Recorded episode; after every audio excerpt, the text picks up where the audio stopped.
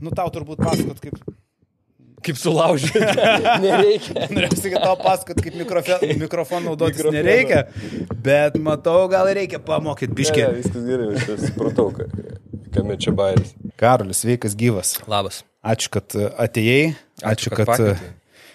labai šauniai. Susitikom su tavim labai fainam renginį, ir, e, kuris buvo apie muziką ir po to aš vėl atsisėdau ir išklausiau tavo visą naują albumą. Tai šiek tiek pavėluotai, nes jau išėjo vasaros pradžioje, bet noriu niekada pasveikinti. Bet noriu pasveikinti, nuostabus albumas, labai gilus, labai Ačiū. prasmingi žodžiai. Ir iš karto man tokia kilo nuojauta, kad tai vienas turbūt giliausių jūsų albumų. Ir a, norėjo, norėjausi paklausti, žinai, iš kur tos tokios mintis, a, iš kur ta tokia branda jau atsirado ir noras tiek daug pasakyti vienam albume. Tai visų pirma, labai smagu, kad perklausai albumą. Aš galvau gal dar prieš, e, prieš mūsų susitikimą parašyti, kad gal, gal norėtum perklausyti, žinai, nes nu visada būna dažnai nueini į intervus ir, ir net ne, nežino žmonės, mhm. apie ką šnekam. O ten sveikinu, nu, ypač kaip, kaip pristatinėjom albumą. Aišku, dar nespėja perklausyti, bet tai va, tai labai smagu, kad perklausai. O kad mūsų iš kur ta branda, tai jau trečias albumas. Taip. Tai jau trečias albumas ir kada mes pirmas mūsų albumas atrodo 2017 metais išėjo, tai čia jau praėjo šeši, šeši metai. Tai per tuos metus aš manau ir mum jau virš 30, po 32-3. Tai ką čia jau senas jauties? Ne, bet e, aš manau vis tiek jau tas laikas, kur jau ateina kažkokia branda. Mhm. Ir ypač jeigu tu dirbi ties ją. O mes, aš manau, tiek aš, tiek Davidas, tai dirbam ties, ties savo vidinę brandą. O kaip, kaip tas e, darbas atrodo, nes tu iš tikrųjų, uh, nepamenu, kuris iš jūsų, man atrodo, tu sakėjai, ne, savo pristatymę, uh, cituoju, lengviau gyventi, susitaikiau su savimi, jaučiuosi ramus, gyventi kur kas lengviau, nes nežinosime, kas bus toliau. Ja. Čia yra albume, man atrodo. Taip. Outro. Taip. Tai šiaip daug, daug klausau audio knygų. Mhm. Visokiamis, va tokiamis temomis.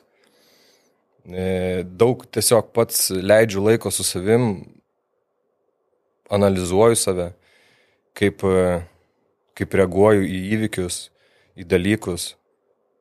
Tai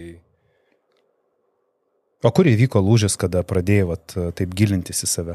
Nes man atrodo, čia gyvenime pas daugelį atsitinka dėl kažko. Tai, žinai, nėra taip, kad tu vieną dieną atskėlį ir nu, viskas, dabar Jo. aš pradėsiu gilintis, ne? bet e, turbūt įvyko kažkoks lūžis įvykis, kuris paskatino tą daryti. nežinau, iš tikrųjų, bandau tik tai, galiu tik tai nuspėti. Tai tikriausiai, nu, dažniausiai būna pa žmonės kažkokie stiprūs sukretimai. Mhm. Ir man tas sukretimas buvo 2018 metais brolio avarija.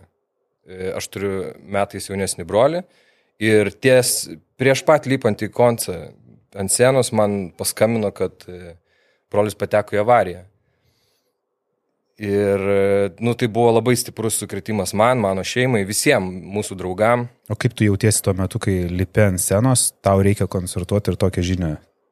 Nu, ta prasme, aš tai iškart griuvau ant žemės ir raičiausi iš skausmo, kas čia atsitiko, nu, ta prasme, verkiau. O tada ir sakom, ką darom. Ir ten buvo tą dieną du koncertai. Wow. Vienas e, klube vienam, mhm. o kitas atvažiavam vaikam pakoncertuoti, ten pilna nu, mo- moksleivių, kažkokia šventė. Ir jie jau visi laukia ir mes ten backstage, nu, keičiasi gyvenimas. Ir Dėvis sako, tai ką darom, sakau, okei, okay, varom. Dėvidas sako, aš pakalbėsiu, tu tiesiog pabūk tenai. Ir, nu, tai aš ten per visą koncą beveik nieko ir nepasakiau. Ten dainavau irgi per, nu, su gumulu, Mhm. gerkliai. Ir tada nulipom ir sakom viskas. Nu, mes ten buvom visiškai kitam gale.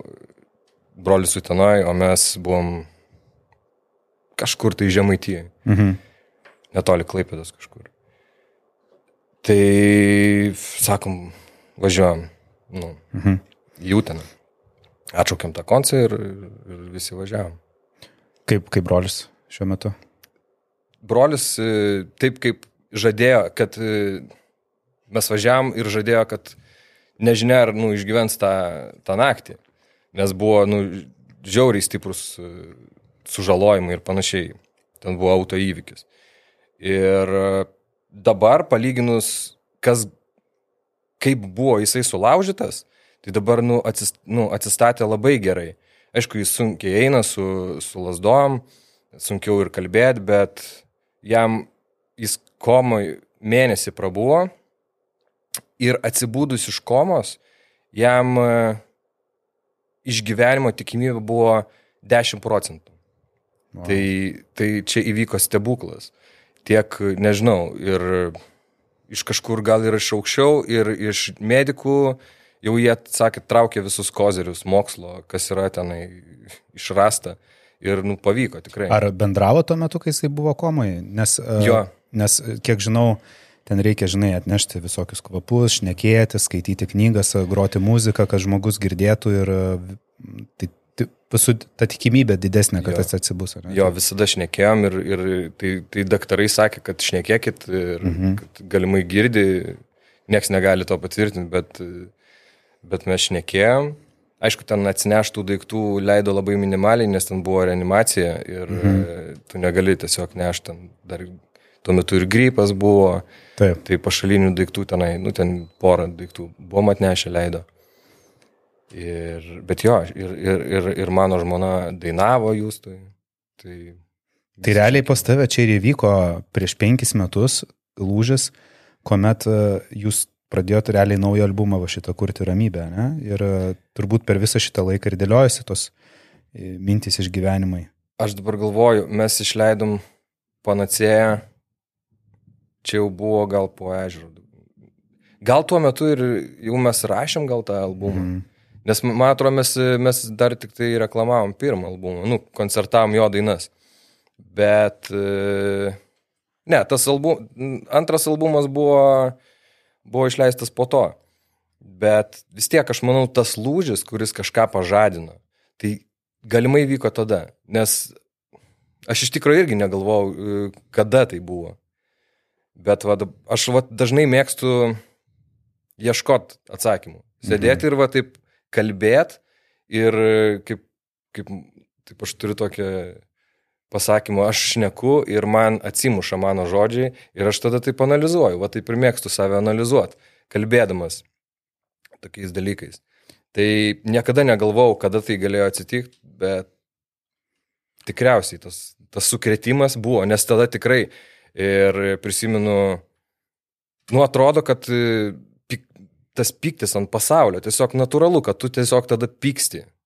Mhm. Nu, nes atsitiko sunkus dalykai ir tu bandai tada išlietą pyktį ant kažko, ant, ant, ant artimų žmonių, kurie nieko dėti, pavyzdžiui. Ar, ar šiaip kažką tai prisigalvoja, nu kažkokių blogų minčių ir, ir tada ta, tas visas mintis pili aplinkui.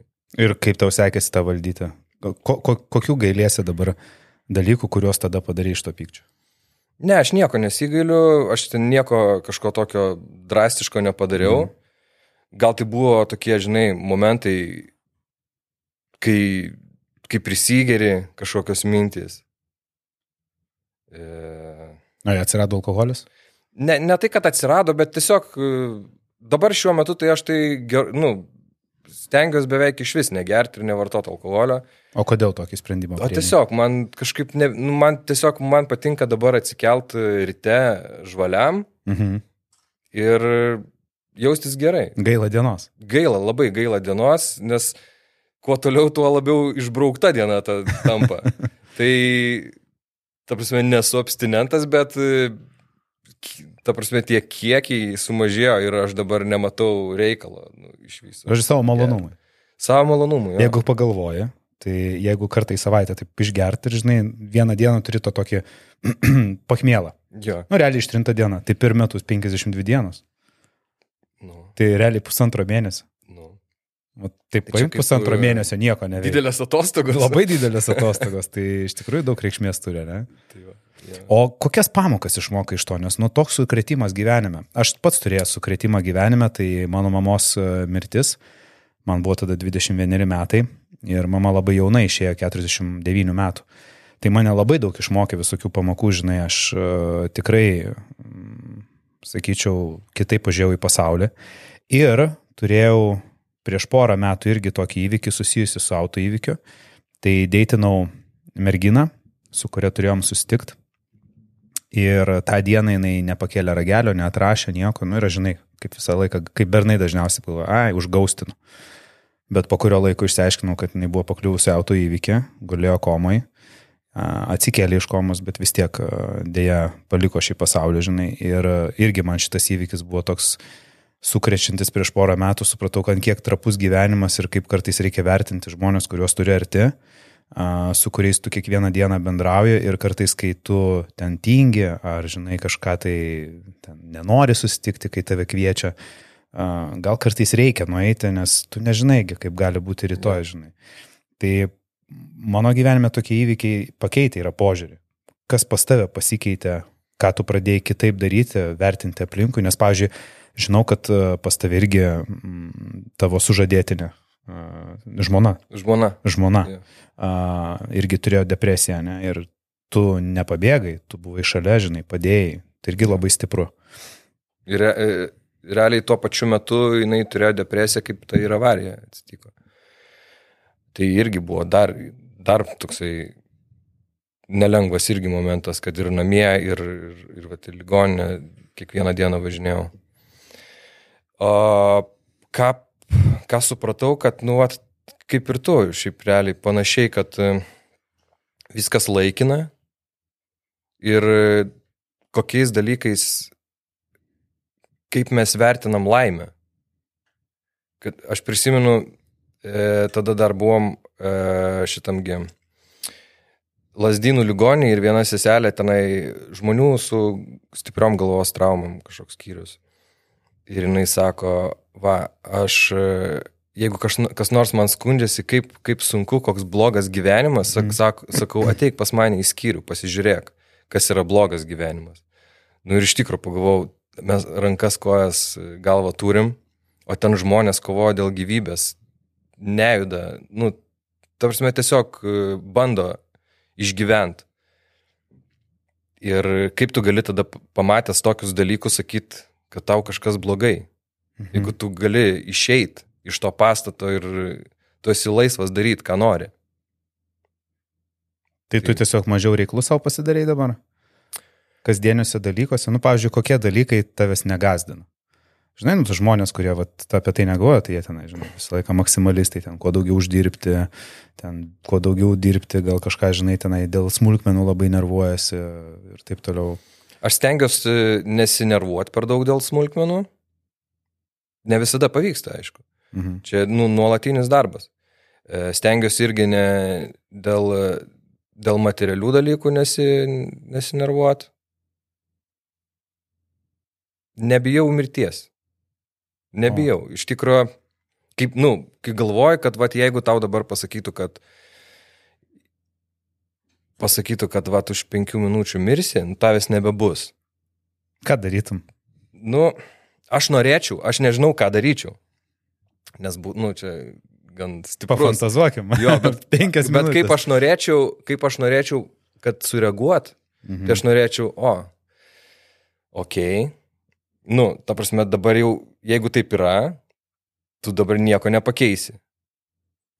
Tai tu per tas penkias minutės gali prisiminti, kaip faina buvo gyventi, kad turėt, kad gyventi mhm. taip, kad tu galėtum prisiminti, kad Reiškia atsiminimai. Buvo geras, jo, atsiminimai, jo, buvo geras. Įspūdžiai. O ne tai, kad kažką pulti paniką. Kad nu, paskutinės tas penkias minutės tu praleistum panikoj. Ir, ir, ir, apie tai aš manau ir reikia, ir gyvenimas yra, kad e, tos penkias minutės gal ir parodytų, kaip tu turėtum nugyventi gyvenimą. Ne panikoje, ne kažkokiam strese, kad tuoj baigsis, o tai kad tu dabar esi dar. Mhm. Čia ir dabar. Jo, čia ir dabar. Ir kuo daugiau norėčiau būti čia ir dabar. Ir tas penkias minutės norėčiau tiesiog padėkot. Nežinau, ar taip padėkot visiems, žinai, bet tiesiog galvoj, mintysė padėkot ir taip nusiramint, nes Man žinai dabar surezonavo toksai dalykas, kad e, iš tikrųjų deadline'ai gyvenime daug Jo. ką duoda. Pažiūrėk, kai mes važiuojam kažkur atostogų ir kai mes žinom, kad atostogom yra skirta, pavyzdžiui, savaitę laiko. Net ne savaitę, tarkim, važiuoji kokį, nežinau, Paryžių trim dienom.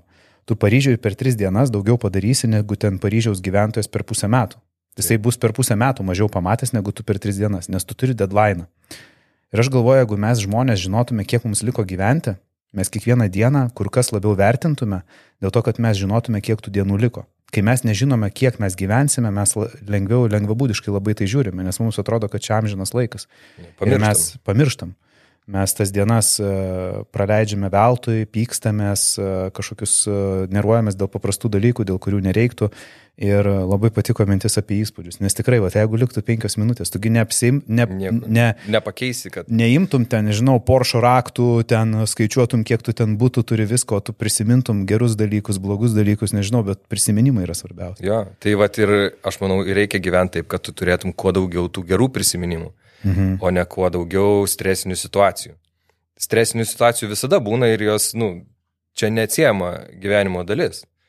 Tai, bet, vat dabar, vat, e, klausiau vieną, vieną YouTube'ai paskaitą, kur sako, aš dabar nepamenu, kas ten kalbėjo, bet sako, tu nebijok stresinių situacijų, ne kaip išvengtų stresinių situacijų, bet kaip būti stipresnis, kad, mhm. kad išgyventas stresinės situacijas.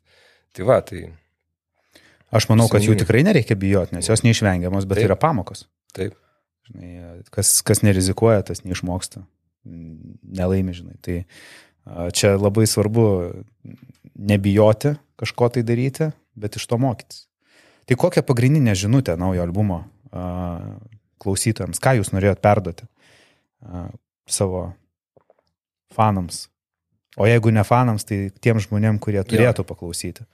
Mes tikriausiai, aišku, rašėm tą albumą klausytojam, bet pirmas klausytojas ir, ir buvo mes. Tai Mhm. mes, mes ir savo rašėm tą albumą, nes tikrai labai nuoširdžiai tą rašėm albumą. E, Daug, e, vat, ir pradžioj, ir pabaigoj, ir per vidurį įdėjom tikrų pokalbių. Mes kitaip rašėm albumą negu pastaruosius du. Mhm. Mes pasikvietėm režisierių Saulių Baradinską ir sakom, parašom tam albumui scenarijų, kad tai būtų kaip filmas. Mhm. Mes niekada nerašėm, nu, mes rašėm albumą, vat, turim kažkokias demo versijas, kažkokią idėją bendrą bandom pagauti, bet niekada nerašėm albumo su planu. Tai mes norėjom turėti tą scenarijų ir ką darėm, tai vat, susitikinėdavom ir šnekėdavom. Tiesiog apie, apie gyvenimą, apie, va, kaip ir mes šnekėjom, kas, kas e, per pastarosius metus stipriausiai sukrėtė. Ir iš to, iš to gimė temos albumui. Ir va, iš tikrųjų, ką mes norėjom pasakyti tuo albumu, tai ką mes šnekėjom iki, vat, iki tavo šito klausimo. Apie tą pačią, dėl to jis ir vadinasi ramybė. Mes, ta ramybė buvo kodinis pavadinimas. Tiesiog uždėjom, kad vat, čia yra projektas ramybė. Ir vėliau tikrai supratom, kad tai bus mūsų albumo pavadinimas. Kad nereikia jam jokio kito pavadinimo, jis Mhm. jau pats pirmas atsirado. Tai tą ir norėjom pasakyti, kad, kad svarbu gyvenime nenustoti ieškoti ramybės, kad tai yra labai svarbus dalykas, kad mes dažnai pamirštam, kas yra svarbu mūsų gyvenime. Ir jo, čia toks etapas mūsų buvo. Ir Žinai- yra. Žinai, tas su, su pamirštam, kas yra svarbu. Aš manau, kad labai daug žaidžia ego. Taip, Nes ego, mes jo. visą laiką save statom į priekį ir dažnai pamirštame apie aplinkinius. Taip. Ir su tuo labai sunku kovoti. Tai taip ir prasideda mūsų albumas. Su ego. Pirmieji gabalai, aš noriu daugiau, ten Niko dainuoja, tada aš per gerą šiam žaidimui, ten NBA. Čia yra visi tie gabalai, visi sudėti taip, kaip, nu, kaip kad žiūrėtum filmą. Mhm. Tai nėra, kad mes norim pasakyti pasauliu, kad mes esam labai geri. Tai čia yra tokia albumo ir žinutė, ir idėja, kad e, pirmi gabalai parodo ego.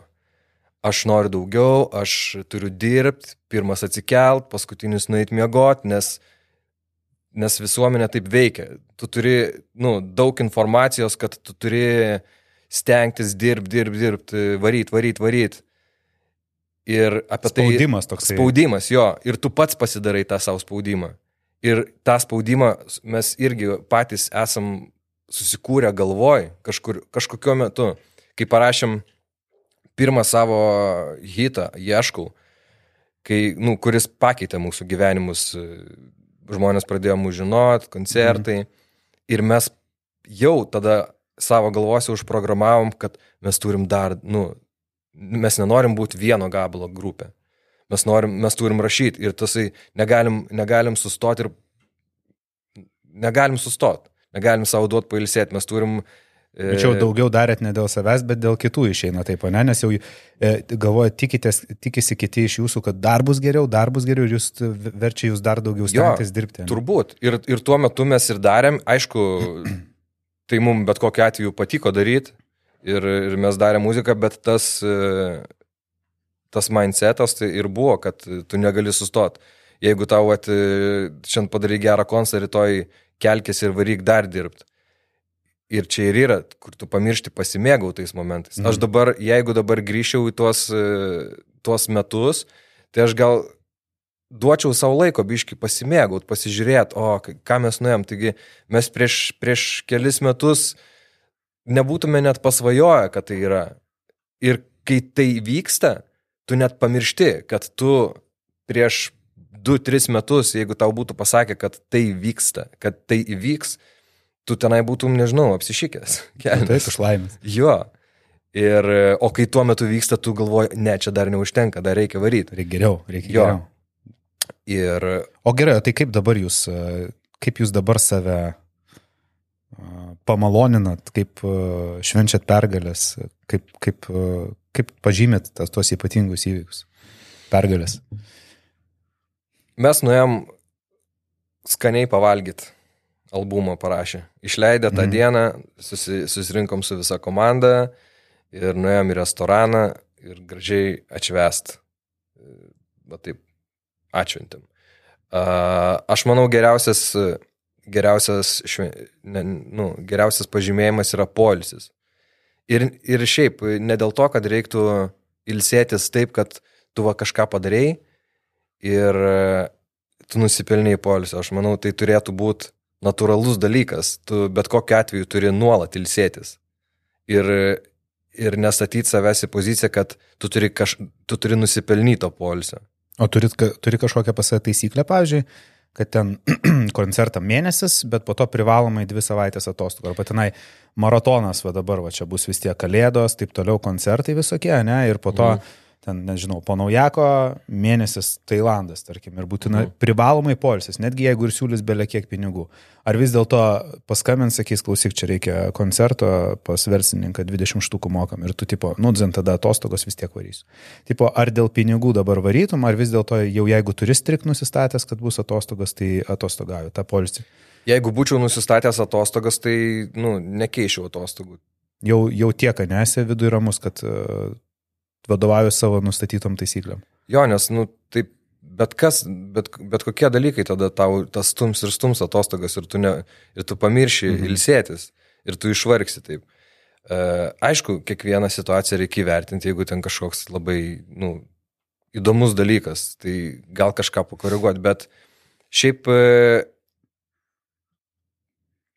ta taisyklė, tokių kaip taisyklių neturim, bet aš manau, kad, pavyzdžiui, aš asmeniškai stengiuosi nepersidirbti per daug. Arba dirbti kuo labiau tikslingai. Ne tai, kad sėdėti studijai nuo ryto iki vakaro, mhm. iki vėlaus, kaip anksčiau ir būdavo. Sėdėdavom ir kurisi nesikūrė, kažką darai tenai. Bet ateit ir geriau per trumpesnį laiką, bet padaryti didesnį darbą. Tai dažnai galvoj, pavyzdžiui, reikia rašyti tekstą, vat, su, sugalvojom parašyti dainą kažkokią.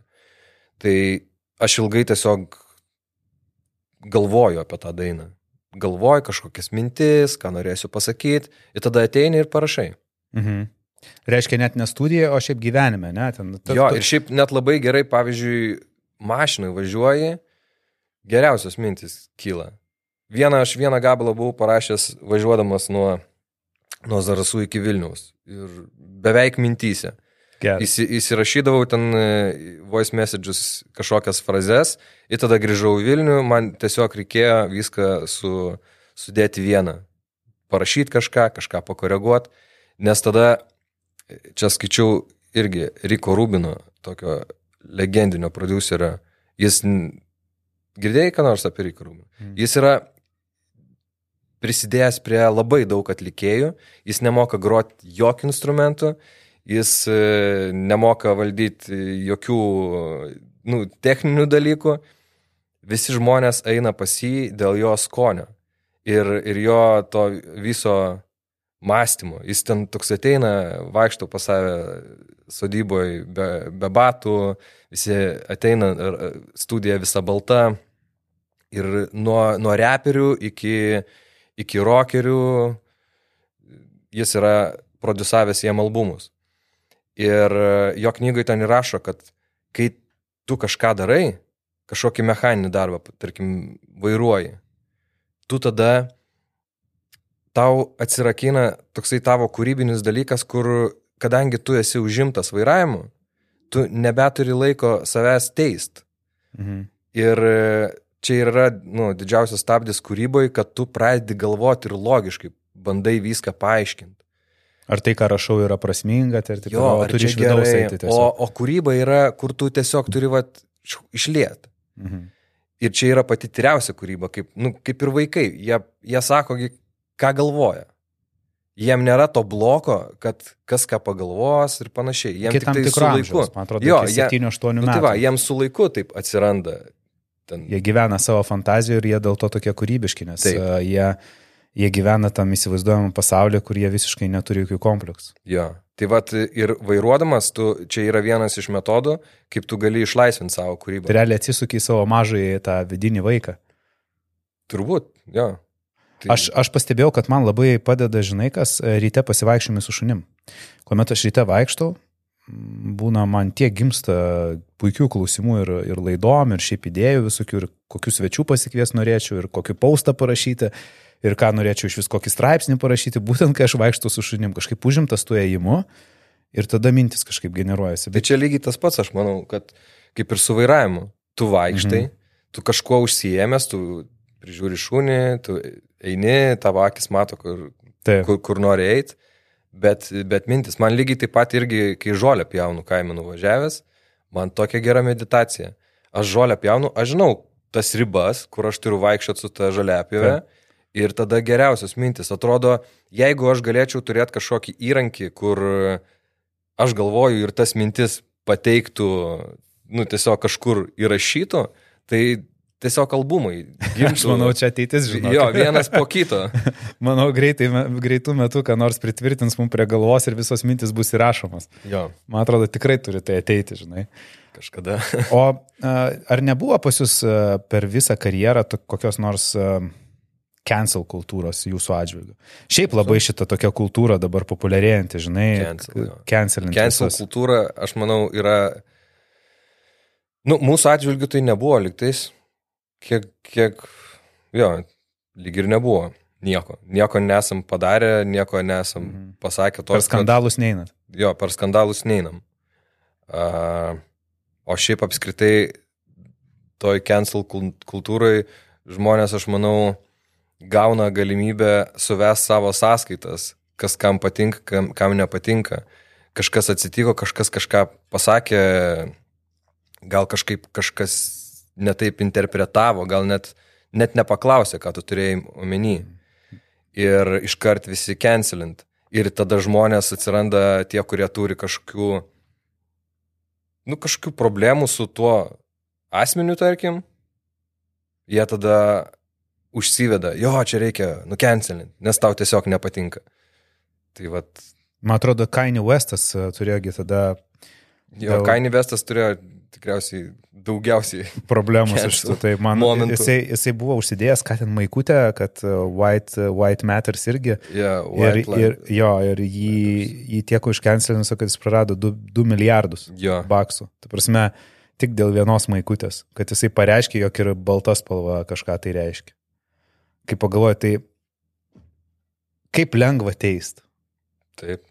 Ir, ir šiaip, nu, pavyzdžiui, Kanye Vestas, nu, aš nevertinu. Nu, aš, aš, aš vertinu jo kūrybą, man patinka jo kūryba, man patinka kaip jis kūrė ir jo metodai. Ir daug dalykų, pavyzdžiui, kur jis prieš dešimt metų darė, dabar atlikėjai daro tuos dalykus. Mhm. Tai, tai aš manau, gal irgi gal kažkam nepatinka, arba kažkas gal pavydi kažkaip. Sakai, iš pavydo būna tas cancelas. Nu, aišku, nebūtinai, aš manau, kiekvienas atvejis skirtingas. Bet... Nu, būna, aišku, labai kažkokių tai tokių, jo, jo, jo, žinai, tai čia neigiamų. irgi. Bet e, aš manau, kad e, būna kažkokių žmonių banda, kuri eina iš pavydo. Ir jiem nesvarbu visiškai, dėl ko ten cancelina, o svarbu, kad tiesiog paspardyt gulinti. Mhm. Tai aš manau, kad tokių, nu, didelis procentas tokių žmonių yra. Kaifuoja tik nuo kurie to. bando vat, kažkokias suvest savo sąskaitas, gauna progą ir parodo savo tikrą veidą. O tu sakai, um, iš Kanye Westo daug visokių ten dalykų ateina. Aš dabar pastebėjau, mes tu mes esam kalbėję apie tai vieną kartą ir aš vis tiek toliau klausau ir dabar, va, pavyzdžiui, klausiau ukrainiečio Demčiuk uh, muzikos.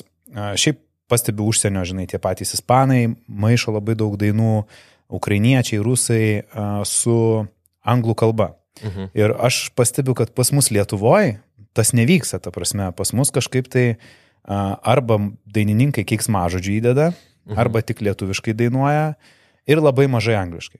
O kodėl to tokio nėra mikso? Gal tai padėtų, pavyzdžiui, išeiti į užsienio rinką? Kur, kur yra priežastis, kodėl mes neinam į tą pusę? Ar tai tiesiog yra trumpalaikė kažkokia mada tenai, ar tai dar ateis? Kur tu jauti, kaip, kaip kur linksta muzika? Nes, nu, tas pats repas tenai, um, kaip ir dainuojamas, vat, Demčiuko, ne, ukrainiečių dainininkas, jisai rusiškai dainuoja, bet priedainį anglų kalba, žinai. Jo. Ir toksai gaunasi lik ir tu anglų kalbą klausytum, bet ir ta rusų kalba tokia, ir, žinai, ir jo dainos grojamos ir Vokietijoje, Amerikoje, Anglijoje, ir jisai išpopuliarėjo per visą pasaulį. Bet vis tiek tikriausiai jo dainų klausosi vat, ten gyvenantis ukrainiečiai.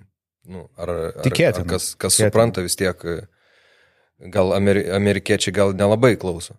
Nu, jie ten, nežinau, iš vis tokie. Bet žinai. Amerikoje dabar kas labai populiaru tampa ispanų dainos.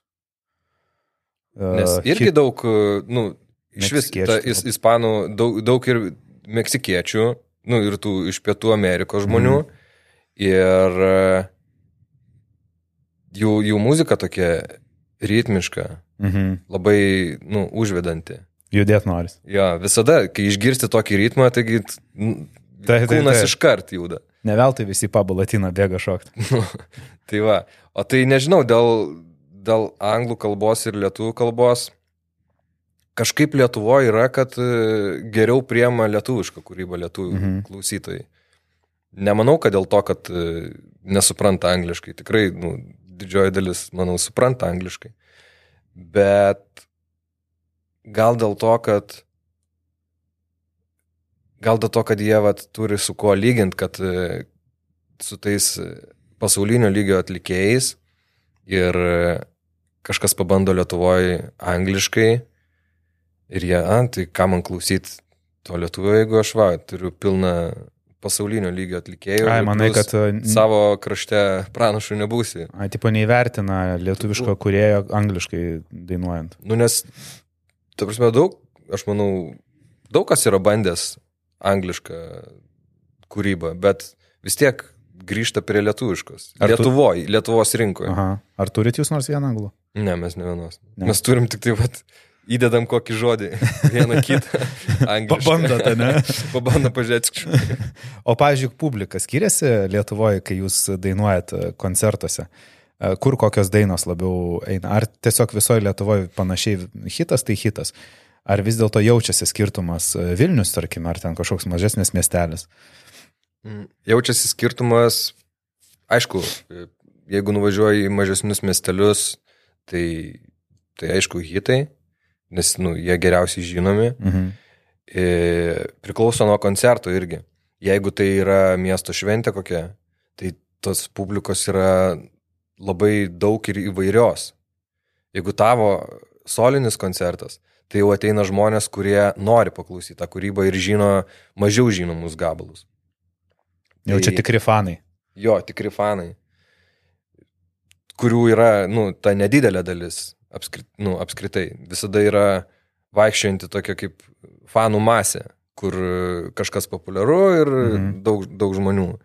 Bet vis tiek yra tas brandulys tikrų fanų, kurie ar, ar tu dabar populiarus, ar mažiau populiarus, vis tiek jie lieka. Tai o šiaip tai, nežinau, Lietuva yra nedidelė, tai tie, tie klausytojai per daug ir nesiskiria. Panašus, ne Jo, visur. daugiau mažiau panašus. O kaip tavo atrodo kūrybos procesas? Nu, išsiaiškinom, kad vairuoji, kuri dainas. Žodžiu, mašinai sugalvoji dainos idėją ir žodžius. Bet kaip viskas vyksta? Nes, nu, įsivaizduokim vienos dainos. Man, man labai patiko jūsų dainas skrydis. Aš e, ją ant rypito kartais klausau, man, nu, man jinai, nežinau, jinai man daug pasako, žinai. Jo, tai aš va tą dainą ir pradėjau galvodamas e, apie, apie brolio situaciją. Daugiau Mhm. mažiau. Labai, labai jaus, jausminga gili daina, tai labai rekomenduoju visiems paklausyti. Papasakok apie, kaip jinai, per kiek laiko tu ją sukūrėjai, kaip man įdomus tiesiog visas procesas, manau, Mhm. ne tik man, bet ir klausytojams, kaip atrodo tokios dainos sukūrimo procesas. Nuo minties, žodžių, parašymo, muzikos. Prasidėjo taip, kad su Vidu Bareikiu buvom studijoje, ten dirbom prie jo kažko, kažkokio gabalo. Ir prieš išeinant sakau, aš e, noriu padaryti dainą su pianinu. Kad būtų tik tai toksai, va, tokia baladė. Mhm. Sako, aš turiu idėją. Užrašė pianino melodiją ir išėjo. Ir aš tada likau studijoje sėdėt. Ir procesas, užsidė ausinės, įsijungi mikrofoną. Ir sėdi ir ant ripito leidi tą, tą muziką ir bandai įsijaus kažkokią pagautą emociją. Mhm. Ir tada atsitinka magija, arba neatsitinka. Ir tada atsitiko magija, tada aš pagavau tą emociją ir, tipo, mes šią naktį rėžėmės į sieną, kad paimt, nu, parodyt, kokia tai stipri, nu, kad nukelt klausytojai kažkokį, e, kažkokį konkretų įvykį. Bet ne tai, kad pasakyt, kad e, taip metaforiškai pasakyti, kad mes rėžiamės į sieną, tai reiškia kažkas stipraus atsitiko, Įvyko, taip. kažkas ir tu gali pritaikyti daug. Ne tai, kad fiziškai rėžėsi, Jo, bet jo. įvyko kažkoks e, stiprus įvykis Tiesiog vat, metafora, kad mes rėžiamės į, į sieną. Aišku, tai buvo kaip ir tas skrydis, kaip ir gali ir kaip ir su lėktuvu, kaip ir su mašina, gali, nu, įvairiai. Čia Mhm. kaip jau palikta vietos interpretacijai. Ir, ir ką, nu, sunku paaiškinti. E, tiesiog tu rašai, rašai po eilutę, kažką niuniuoji, e, priedainis buvo neparašytas, bet priedainis su, suniu, suniuniuvau melodiją. Na, na, na, na, na, na, tokį, kaip, kaip rašom dainas, jeigu tuo metu neturim tai, tai vietai kažkokios, e, kažkokių žodžių, Mhm. mes bandom parašyti kažkokius skiemenis, įrašyti kažkokius skiemenis, kur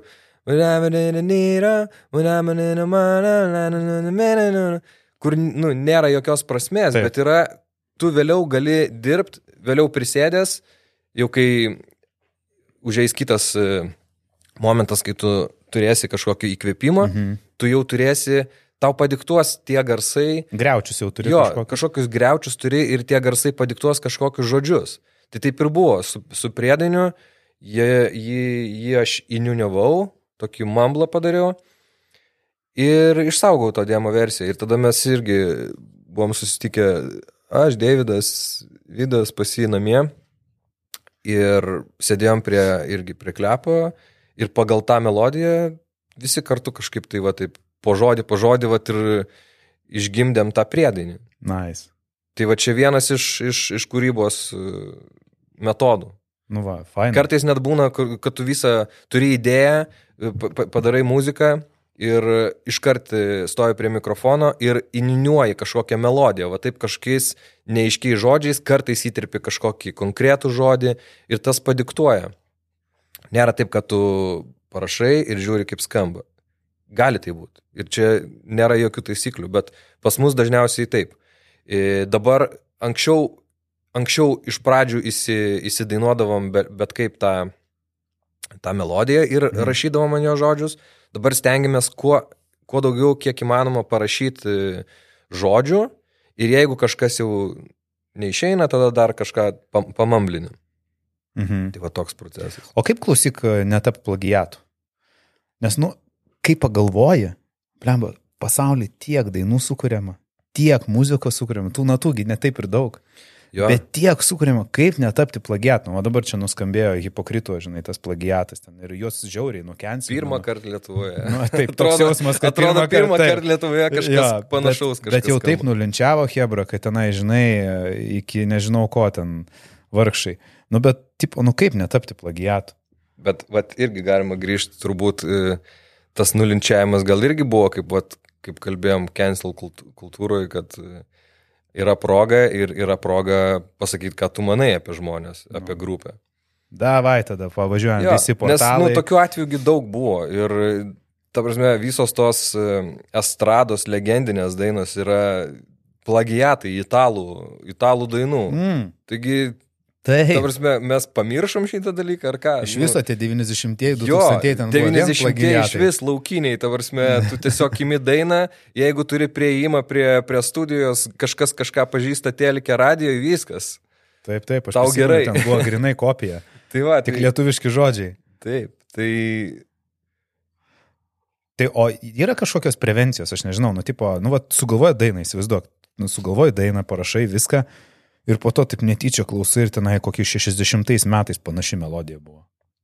Tai yra melodijos tos panašios tikrai gali atsitikti, nes e, tu klausai muzikos ir, ir nebūtinai tu specialiai, ir aš manau, daug, dažniausiai tai ir nebūna specialiai e, daroma, kad vat, nukopijuota melodija, nes, mhm. nu, kas norės kopijuoti. Tau tiesiog taip kažkur yra pasąmoniai kažkokia daug melodijų, žinai, užsilikę ir tuo metu tu kažkaip pritaikai. Ir ne visada reikia žiūrėti į tai kaip, kaip į plagijavimą. Tai yra, o dabar mūsų vienas draugas Reptile išleido žiauriai gerą video apie semplavimą ir paaiškino apie visą tą plagijavimą ir, ir atro, kai, kai sako, o čia tas ir tas.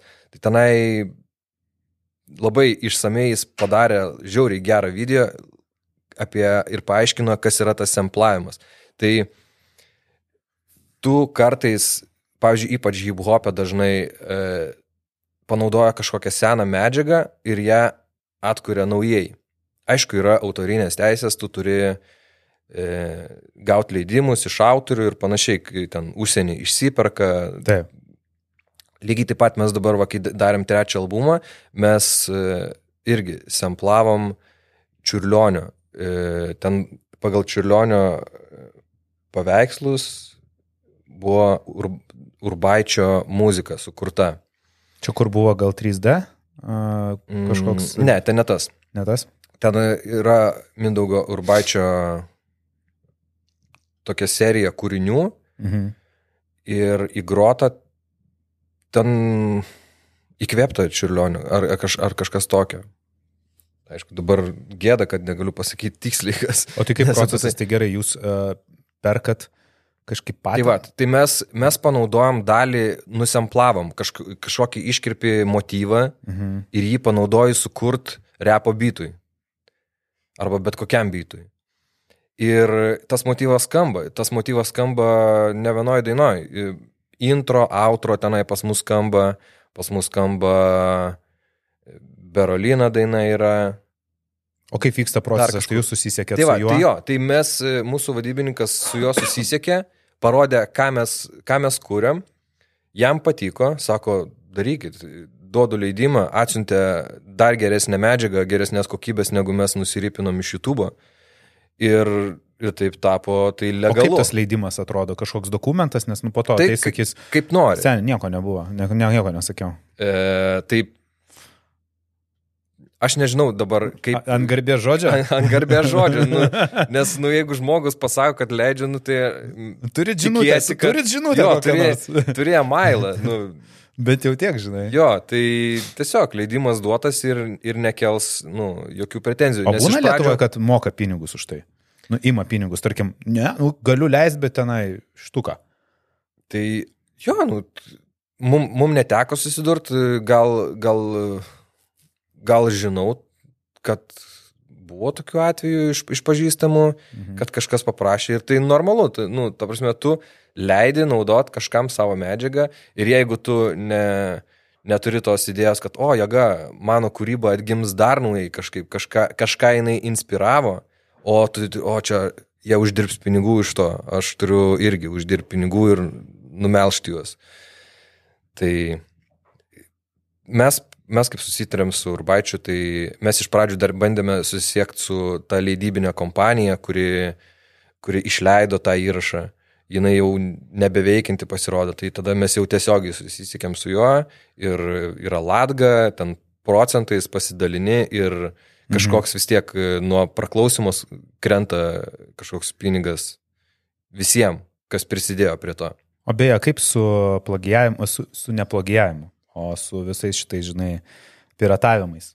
Koks tavo požiūris į tai? Nes, nu, supranti, mes Lietuvoje esame unikali kažkodėl šalis, ta prasme, kad ir kiek blokuotų, visi sugeba VPN'us naudot, kažkokius e, į, į tos torentus vis tiek sugeba pasijungti, ripint, e, siūstis ir vis tiek visa tai veikia, kad ir kiek jėgų įdėtų a, valstybė, ne? Faktas, kad tai vagia pinigus iš jūsų kišenių. Taip. Ar esi paskaičiavęs, ar, ar žinai, kiek, kiek jūs nukenčiat nuo to? Nes, nu, tai atrodo nesažininga jūsų kūrybos atžvilgiu. Aš nesu paskaičiavęs, bet e, tie skaičiai apskritai piratavimo, kokius pinigus pavogia, tai yra milžiniški. Ir e, aišku, tai nukenčia kuriejai, kur nu, tu galėtum klausyti muzikos legaliai ir net ir net nemokamai. Spotify, YouTube'ai. Pasižiūri tas paklausai reklamas ir viskas, ir, ir gali klausyti toliau. Ir Tai net nereikia, nu, tai nusipirkite tenai. Tai taip, ten nusipirkė 8 eurų kainuoja Taip, ir gali reklamų. reklamų, klausyti. Bet je- jeigu jau net 8 eurų gaila muzikai paklausyti, tai koks tada tavo požiūris į, į kurėją?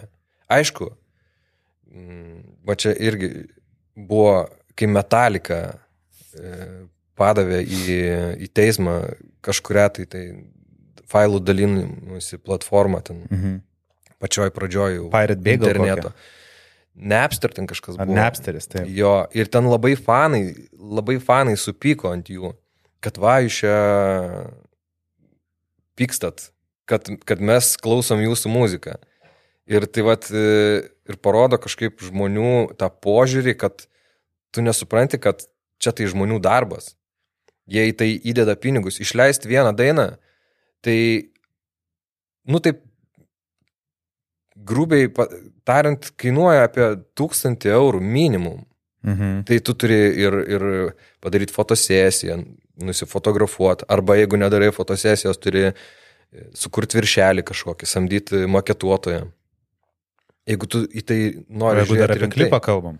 Jeigu klipas, tai iš vis, nu, tu gali, gali ir pigiai padaryti tą klipą, bet tada turi turėti tinkamus žmonės aplink save. Mhm. Bet šiaip tai klipas kainuoja brangiai, apie, nu, be 10 tūkstančių, aš manau, nu, neverta pradėti kalbėti apie kokybišką gerą klipą.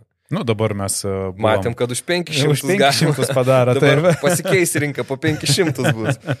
Bet ten, nu, labai Bet geras. būkim, bet būkim a, šitą, žinai, bėdini, bet teisingi buvo ir ger, gerų buvo ir kur jautėsi, kad uh, tikrai. Jo, bet buvo tikrai gerų, Tikrai buvo gerų. kur, kur patiko. Mhm. Aišku, tas ir jaučiasi, kad už 500, bet žmonės ten dirbo nemokamai.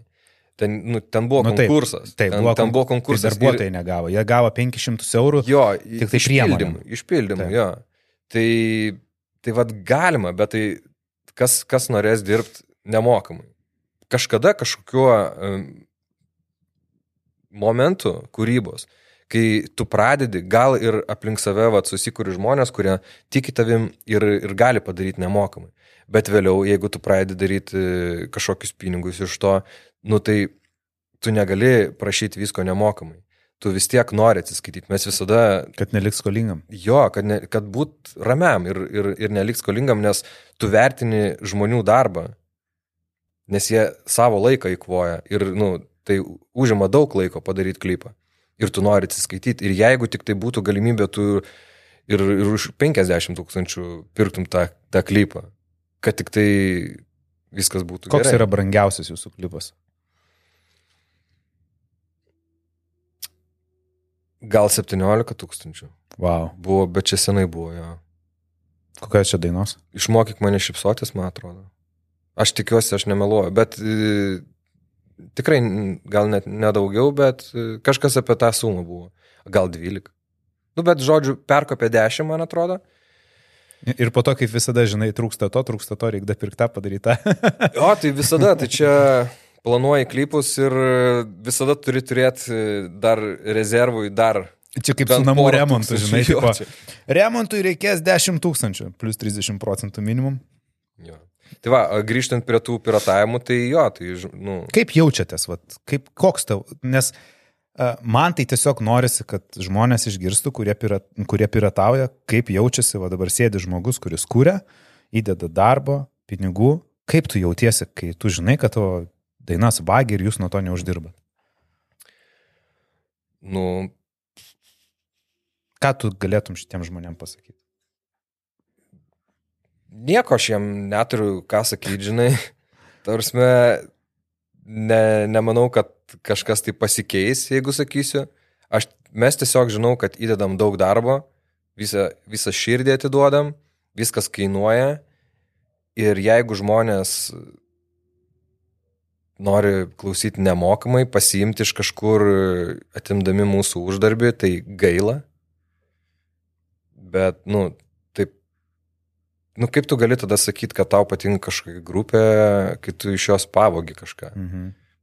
Nu, čia lygiai tas pats, kas, tu, kas ateitų, vat, dabar vat, kažkas žiūri tą podcastą, ne? Ir ateitų ir, blema, nu, žiauri gerai, nu, varai, varyk toliau, norim dar, dar, bet išeidamas dar mikrofonus pasiema. Nu taip.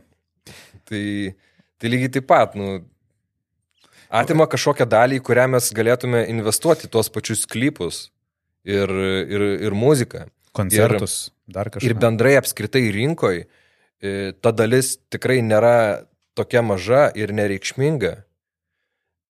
Tai keltų visą kokybę, nes, nežinau, dabar gal taip mažiau yra, bet anksčiau ir yra vis dar tokių žmonių, kad, ai, čia lietuviška muzika, čia prastai, lietuviška muzika labai gera yra.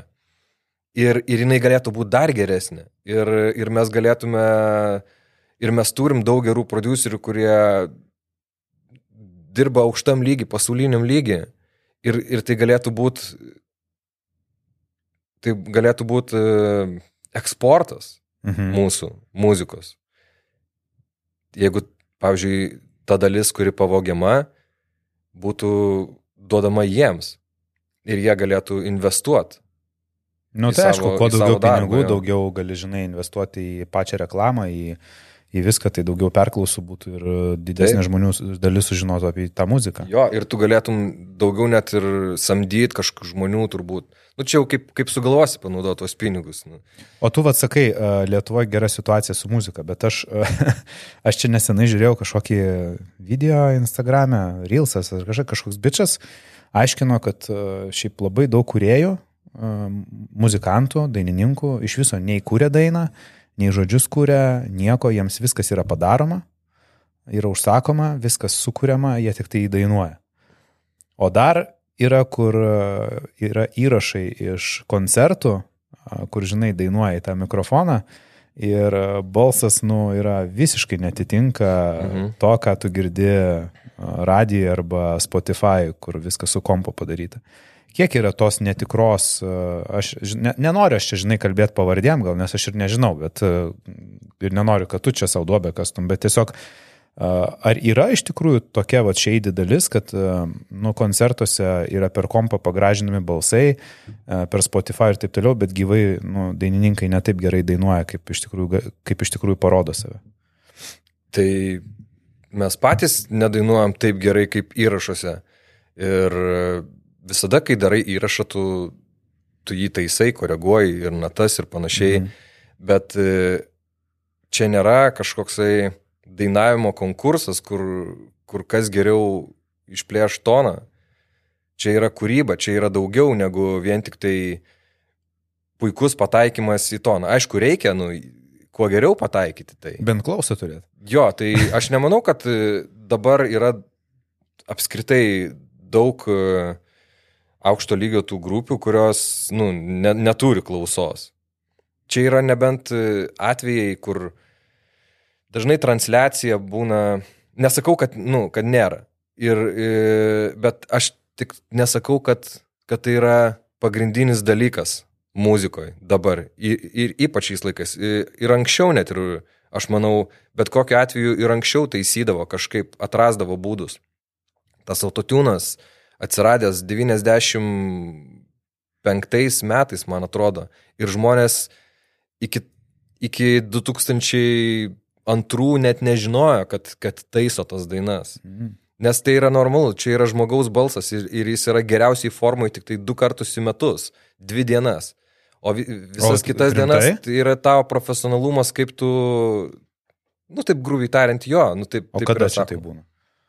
Nežinau, čia kiekvienam pagal, taip? pagal organizmą, kad tu dažniausiai dainininkas, nu, dainuoja prastesniai formui, negu yra mm. iš tikro, nes nuovargis yra, yra, nežinau, menulis, daro savo. Ir tu gali sprokt, nu, negali sprokt kiekvieną kartą, kiekvieną koncertą kaip, kaip įrašę. Dėl to, nu, įrašai bet kokiu atveju jie turi būti tvarkomi ir daugiau, mažiau, čia jau pagal skonį, o kad tenai nepataiko, prašauna keletą natų šoną, tai čia ne, irgi negalima absoliutinti, kad čia yra blogas mm. atlikėjas. Aš manau, tie žmonės, kurie sako, kad e, čia vat e, įrašuose sutvarkyta ir gyvai paklausę kažkokį, ne, gal ne pačią geriausią dainą, ne pačią geriausią dieną ir iškart teisė, kad, e, nu, kad čia mūsų daž... apgaudinėja, nu, taip nėra bendrai, kad, kad daug to yra. Čia taip dažnai būna, žinai, per selo koncertus, kur, kur Hebra klauso selo dainų Jo. Taip, tu supranti, ką jis dainuoja, bet Taip. kai koncertą nueini, tu nieko nesupranti, ką jis dainuoja. Bet tai va ir yra, kad, kad žmonės eina klausyti, ne... jeigu, jeigu žmonės eitų klausyti vien tik tai dėl to, kad pataiko, kaip, kaip gerai pataiko atlikėjas mhm. į, į toną, tai jie eina ne į tas vietas. Yra daug kitų vietų, kur, kur atlikėjai pataiko idealiai į toną, tai ten filharmonija, opera. Mhm. Tenai yra... Nu, čia eini į tūsą. O čia eini tu paklausyti Renginį. muzikos, kūrybos. Mhm. Ne, net, nu, ta prasme, čia žmonės ir eina paklausyti dainų, kurios jiems suteikia emocijas, o ne, o ne kažkokio, ah, tą natą praleido. Dažnai būna, kad pamirštat čia. žodžius. Daro tipo šitą, Būna. žinai, žinai, kai tipo, man tai atrodo visą laiką, kodėl duoda dainininkai Hebrai padainuoti mikrofoną atsuką, nes man atrodo, žinai, dainuoja. Variantas. Kokie ten žodžiai, atsuka mikrofoną, a, va, kokie žodžiai. Variantas. Pamirštam, tai yra no, no, natūralu, mhm. nes jeigu tu esi ten daug dainų prirašęs ir kiekvieną, kiekvieną tekstą, tiesiog būna koncertuoji dainuoji to žodžius ir tiesiog gal, tuo pačiu metu galvoji ką nors. Netgi tai būna, ne? Jo, ir pasimeti kažkodėl ir, ir pamiršti žodžius. Buvo toks momentas, kai per kelis koncertus aš, Davidas padainuoja savo dalį, praeina priedainis ir aš kažkodėl sugalvoju dainuoti Davido dalį. nu, vat kažkodėl, aš žinau savo žodžius, aš galėčiau juos vat, sustojęs pasakyti nuo pradžių iki galo, bet tuo metu man kažkaip tai užsiciklina kažkas, kad aš pradėdavau jo, jo žodžius. O tai ką jisai po to tavo dalį dainuodavo? Nieko, mes pasijuokdavom. Aš, aš arba grįždavau, arba negryždavau iš, iš Deivido žodžių. Ir tada išėmėm tą dainą iš, iš, iš konso. Nes jau paseno tą dainą. Jo, tai nebuvo pagrindinis e, rodiklis, dėl ko ją išėmėm, bet, e, bet tai buvo tokiu atveju. Nusprendė Hebra, blemba kažkaip su šitą dainą neina, da, iš viso išimam iš koncerto. Kaip jums te pavyksta laviruoti tarp e, savo stiliaus ir e, komercijos? Nes, nu vis tiek, sutikim, komercija, jinai priverčia kartais nueiti tą visišką popsą, žinai, svarbu, kad tik tai būtų perklausų ir taip toliau. O, pavyzdžiui, šitas e, naujas albumas ir šiaip visi jūsų albumai, nu, buvo tų hitų, kur ten buvom išpopuliarėjo, bet šiaip jūsų dainos yra, nu, jūs savo tokio, žinai, vagoj, man atrodo, esate. Kaip jūs nesisi, nesikomercializuojate? Neinat tenai į kažkokius tai duetus su kažkokiais pop visiškai, žinai, bet esat savo visą laiką. Aš manau, kad šitas mūsų trečias albumas Ramybė tai yra visiškai mažiausiai komercinis, mes mažiausiai apie, apie tai galvojam, mes apskritai apie tai net negalvojam. Mes padarėm e, albumą, kuris nu, visiškai nekrenta į trendus, bet aš manau, kad tas albumas tai yra, kad galės, ir aš tikiuosi, kad, taip, atsi, kad tai bus, kad kas nors po 10, po 20 metų užsileis tą albumą ir jis bus vis tiek aktualus. Mhm. Dėl to, kad jis ir nekrenta į jokius trendus. Jums labai svarbi tai išliekiamoji vertė. Jo, ir, ir visada kūrybai buvo, bet va, ties, ties šituo albumu ypač buvo tai svarbu, kad, kad netaikyt ant to, kas yra dabar populiaru. Mhm. Mes nesistengiam niekada daryti per daug kažko, kas populiaru. Tiesiog buvo kažkoks aštunto kambario skambesys ir jis taip, tai į vieną pusę, tai į kitą paeidavo ir dabar ši, ties šituo albumu mes, aš manau, padarėm tokį subrendusi aštunto kambario skambesį, kur aš labai džiaugiuosi ir aš galiu jį klausyti, praėjus laiko vėl įsijungti ir, ir pasimėgauti albumu, nors pats įrašiau, atrodo, nu, čia glostyt, sa, glostyt save. Bet aš į. Tai labai įdėjau, faina, kad didžiuoji savo darbą. Jo, labai didžiuojuosi ir, ir, aš, ir aš tikiu, kad mes padarėm tokį albumą, kur, vad sakau, kuris nesensta. Nes jis niekur nebuvo e, taikytas į jokius trendus. Pas jūs dažniausiai kolabai tai su Niko Borisu ir su... Vidu Bareikiu. Su Bareikiu, jo. Artimiausi draugai kūrybiniai. O jūs kurie dažniausiai būna kartu. Bet jūs susipažinot e, grinai dėl to, kad uh, norėjot kurti kažką kartu, ar buvo draugeliai ir tipo, davai kūriam? Kaip ta, pažin... Kaip ta draugystė įvyko? Nuo, nuo darbo į draugystę ar nuo draugystės į darbą? Su Niko susipažinom, tai kai jam buvo 13 metų, mes turėjom studiją, mes jau buvom, nežinau, po 23 metus gal. Ai, tai jis toks jaunas? Jo, jo. Ir, ir jis ateidavo ir įrašinėti savo gablų mm. pas Mhm. mūsų studiją. Ir kažkaip su laiku mes vis daugiau praleisdavom laiko kartu, kurdavom, kartu tobulėjom. Ir tai tiesiog, vat, kažką sukuri, kaip ir vat, irgi šitą albumą rašėm, daug laiko sėdėjau kartu su Niko, darėm muziką kartu. Tiesiog atsisėsdavom ir darom kažkaip kitaip negu darėm. Taip. Ir mes tiesiog eksperimentuodavom su muzika. Mhm. Kažką padarėm įdomaus, pradėjau rašyti, Niko tuo pačiu metu irgi sėdė studijoje ir pradėjo rašyti. O, aš turiu tekstą, Niko tekstą, laukiam Davido teksto, kaip ir bendras gabalas. Nu, Važiuojam. nėra reikalo, viskas mums patinka, nėra reikalo čia galvot, kad, ai, jau turim per daug dainų kartu. Ne, nu taip, nežinau, kiek čia, trys gal dainos kartu yra albume mhm. su Niko.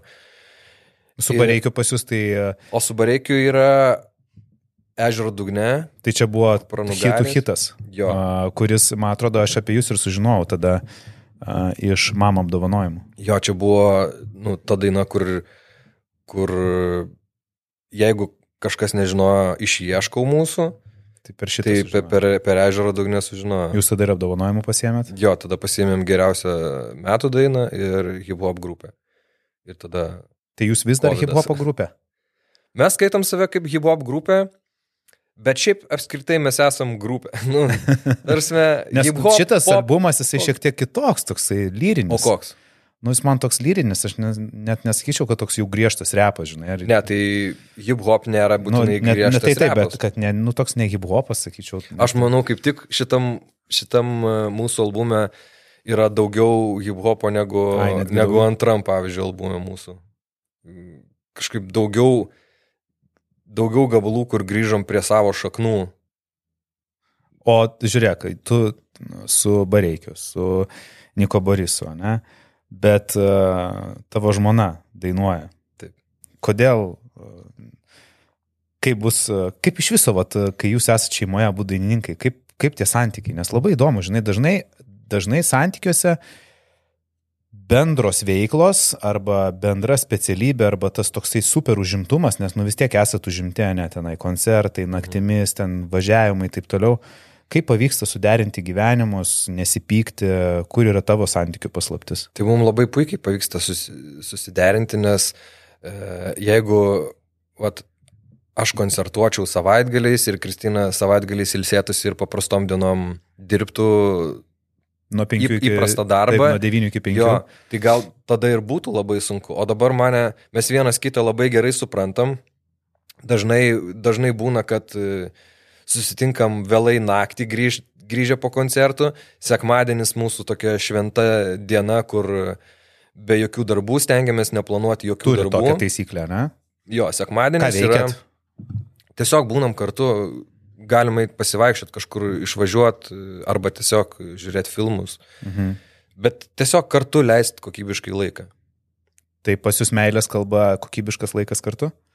A, turit skirtingas meilės kalbas? Ar... Vat, meilės kalbos, jos su laiku, manau, supanašėjo, nes iš pradžių buvo skirtingos. Kokia buvo tavo? Uh, mano buvo gal palaikymas, Mhm. Gal ir vis dar yra, man labai svarbu, kaip palaiko. Ir aš prisimenu, kai, kai mes net nedraugavom, kaip man labai stipriai tas suveikė, kai Kristina palaikė tai, ką aš dariau.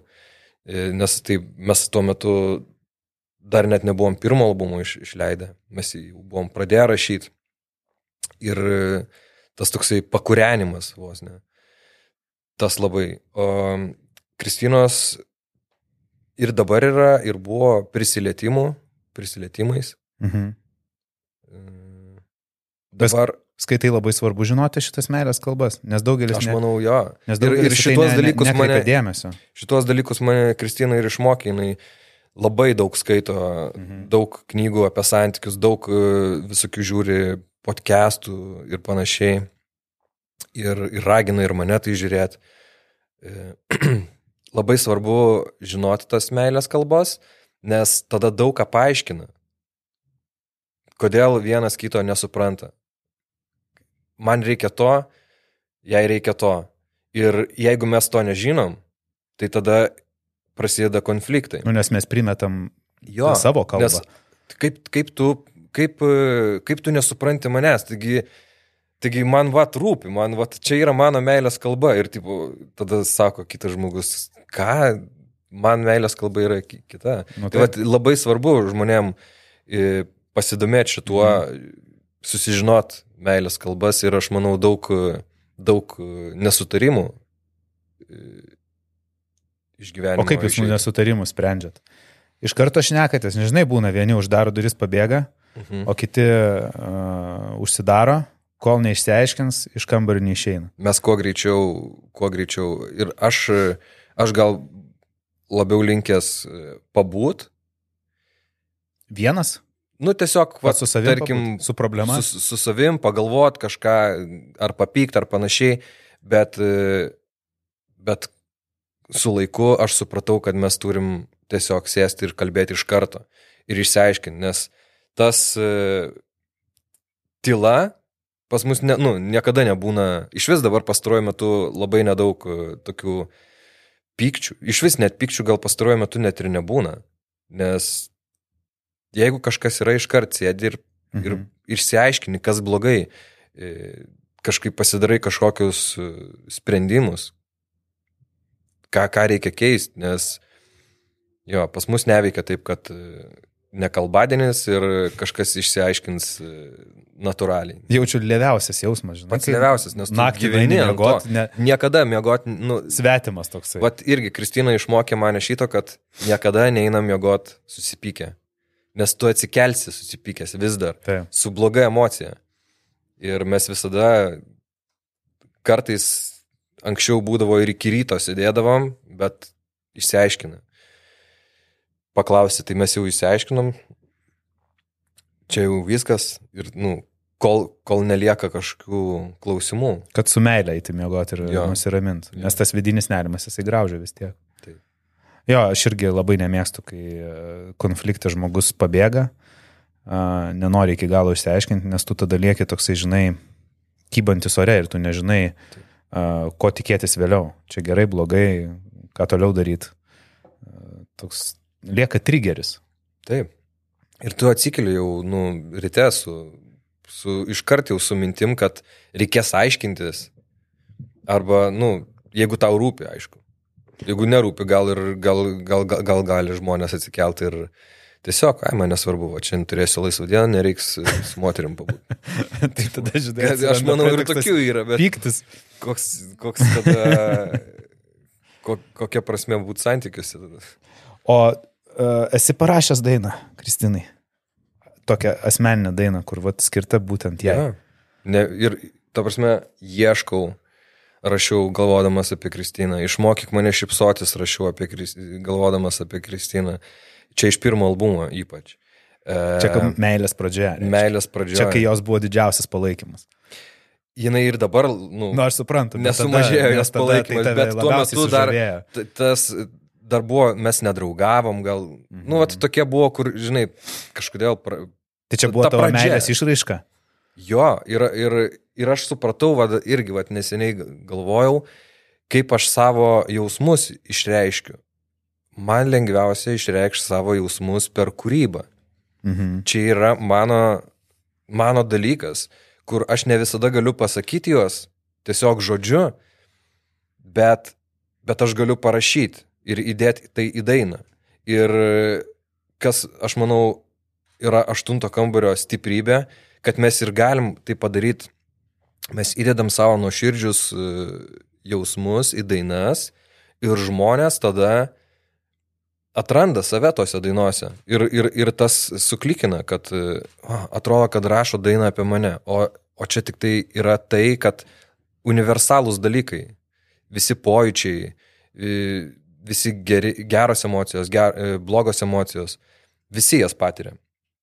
Ir mes kaip kuriejai, apskritai, ne, ne, ne, ne, ne tik aštuntas kambarys, bet apskritai kuriejai, aš manau, turi tokią dovaną, kad mes galim ištransliuoti garsiai arba kad ir kaip tu kurtum savo kūrybą, meną, mes galim tai ištransliuoti, ko kiti žmonės net nesupranta galbūt, e, kaip tai pasakyti, bet jie jaučia viduje kažkur. Tai, tai mes vat, tą ir darom. Ir dėl to vat, būna e, ypač anksčiau, tas pirmas albumas buvo labai apie, apie meilę, kad rašo žmonės, kad, va, atrodo, ir, ir kodėl, e, kodėl jie pradėjo mūsų klausyti. Mes, vat, kai darėm albumo perklausą, mes pasikeitėm dešimt žmonių, kurie parašė tiesiog laiškus mum, mhm. kad norėtų ir kodėl norėtų išklausyti mūsų albumą pirmi. Tai didžioji dalis tų žinučių buvo, kad jie išgirdo mūsų kūrybą tuo metu, kai buvo kažkokie, kažkokios problemos santykiuose, kažkas išsiskyrė, kažkas kažkokį turėjo skaudų įvykį. Ir, ir ta muzika padėjo jiem išgyventi tą laikotarpį. Lygiai tuo pačiu mes, mes rašėm tą muziką, kad tai padėtų mum išgyventi tą laikotarpį. Ir, vat, jo, tai pirmam albume visos dainos, kurias e, nu, galima traktuoti apie santykius ir panašiai, ar šiaip kažkokia žinutė, ką tu kažkam nori pasakyti, visas dainas aš rašiau Kristinai. Ir Geras. kažką norėjau pasakyti. Tai Kristinai. muzika vaistas Jo. ir Kristina yra labai laiminga moteris. Aš turi tikiuosi. realiai visą Aš- albumą savo. Nu jo. Ar a, jūs esat su grupė kiek? Dešimt metų? Mes pažįstami dešimt metų, bet e, kaip kartu pradėjom, pirma, pirma mūsų daina išėjo 2015. Ok, tai 8 metai. Jo.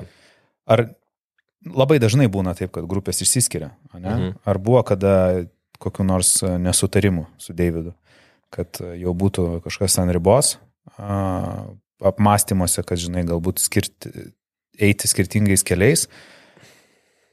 Mm. Niekada nebuvo šito, kad eiti skirtingais keliais. Mes irgi, kaip ir santykiuose, tikriausiai irgi kartu išmokom, užaugom, kad irgi reikia kalbėti Mhm. apie dalykus. Bet, o pavyzdžiui, pats kaip a, dainininkas, negalvojai solo kokio albumo? Savo, vat, grinai, gal turi kokių dainų, kurias norėtum realizuoti pats vienas, žinai? Ir a, gal yra kažkokių dainų neišleistų tų pačių Kristinai? Mhm. arba tos, kurios norėtum, kad būtų išgirstos, bet nuo savęs. Aš netmetu galimybės, kad kažkada, kažkada pabandysiu ir, ir, ir solo kūrybą padaryti, nes jau, pavyzdžiui, Davidas prieš, prieš mūsų pirmą albumą jau buvo išleidęs savo EP irgi solo, mes tuo metu jau irgi buvom grupė. Ir tuo metu gal man irgi e, pasirodė kažkaip tai, gal aš kažkaip netaip sureagavau, kaip turėjau sureaguoti viduj. Gal galvojau, kokia, kodėl? kaip jautėsi? Pavydas kažkoks buvo? Ne tai, kad pavydas, bet e, gal tuo metu buvo kažkiek tokio, kodėl mes taigi turim prie ko dirbti, nu, savo bendrą tikslą. Bet tuo metu nieka e, taip nebuvo taip intensyviai tok, toks tempas, koks galėjo būti grupės ir jis vis tiek turėjo, jis norėjo realizuoti savo, savo kūrybinę, kūrybinės mintis Mhm. ir realizavo. Ir tas irgi padėjo užaukti kaip, kaip žmonėm, kaip, kaip e, asmenybėm kartu, kaip kolegom, draugam, kad, nu, čia turi paleisti savo ego. Ir, ir Davidas irgi turi ir sunyko tik dviese dainą. Aš, man irgi siūlė prie jos prisidėti, aš tuo metu nejaučiau jos ir nenorėjau ir, ir viskas ok su tuo. Bet e, dabar labiau vis dar, vis dar prie, prie mūsų grupės kūrybos aš noriu mm. Sėdėti ir, ir ties to dirbti, nes yra nemažas įdirbis, aš, ma, aš matau, kad dar galim nemažai ką padaryti, ne visi mūsų tikslai pasiekti turbūt. Tai O kokie jūsų tikslai? Ka, koks yra tikslas aštunto kambario?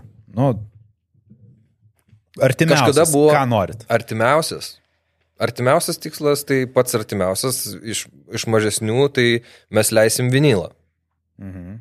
Dabar jau beveik visi darbai nu, padaryti. O vinilas galvojant bangos, nes šiaip tai dabar tikrai Hebra pradėjo pirkti tuos ir aparatus Jo, ir klausyti. Jo, aš manau dabar vinilas grįžta, nes tai yra kažkokia mm, forma, tokia natūralesnė, kaip tu gali pasimėgauti muziką. Tu vinilą, aš taip manau, kad turėtum užsileist, prisėsti ir klausyti. Lygiai taip pat mes įrašėm šitą albumą, kad jis e, niekaip negalėtų būti foninė muzika. Jį reikia išklausyti. Jį reikia prisėsti, ar ten automobilį, ar kažkur ir paklausyti. Nes jeigu jį klausysi kaip foninę muziką, jis nieko gero nerasi, nes tenai nėra kažkokių dainų, kurios ten padėtų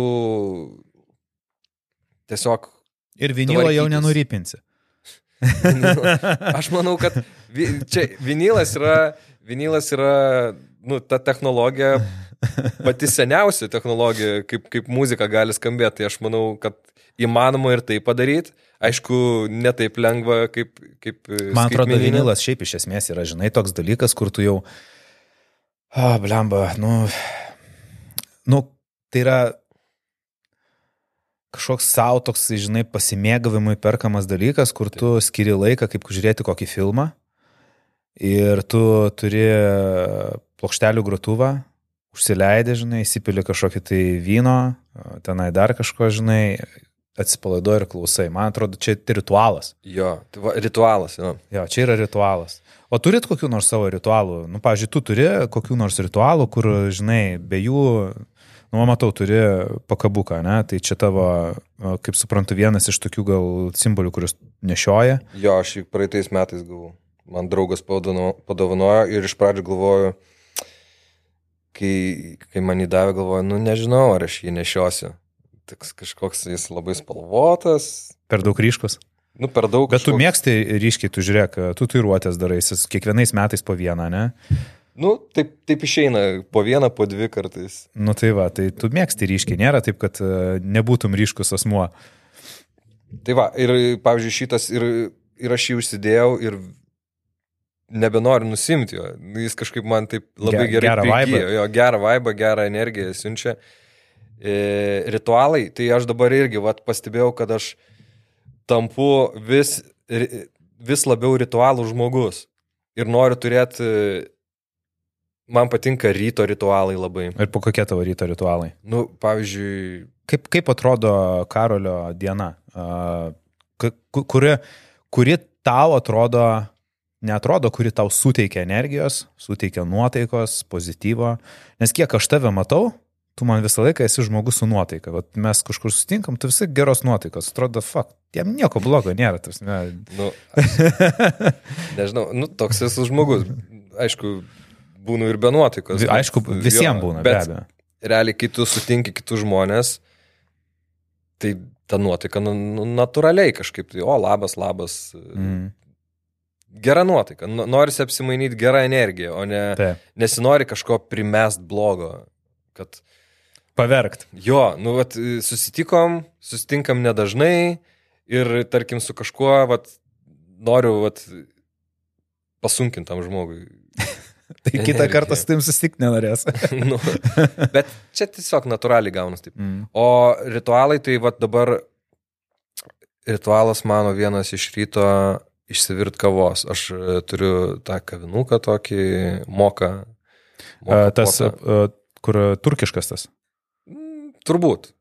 Kur į, į, į, Įpili vandens, įdedi kavos ir, Ir jis tada turi pakilt, garais ane? pakilt jo. aha. Tai man dabar vienas iš ryto ritualų išsivirti kavos, aš nusipirkau e, kavos rūšinės, irgi labai pradėjo patikti Mhm. ne tiesiog bet kokią kavą, o pradėjau ieškoti kažkokio tokio vat, pasimėgavimo, kad tai būtų man kaip ryto ritualas, kad atsigertos tiesiog skanios kavos, kad kažkokius skonius. e, O turi laiką, kada Atrasti. keliesi, pavyzdžiui, tenai, ne vėliau ten septynių.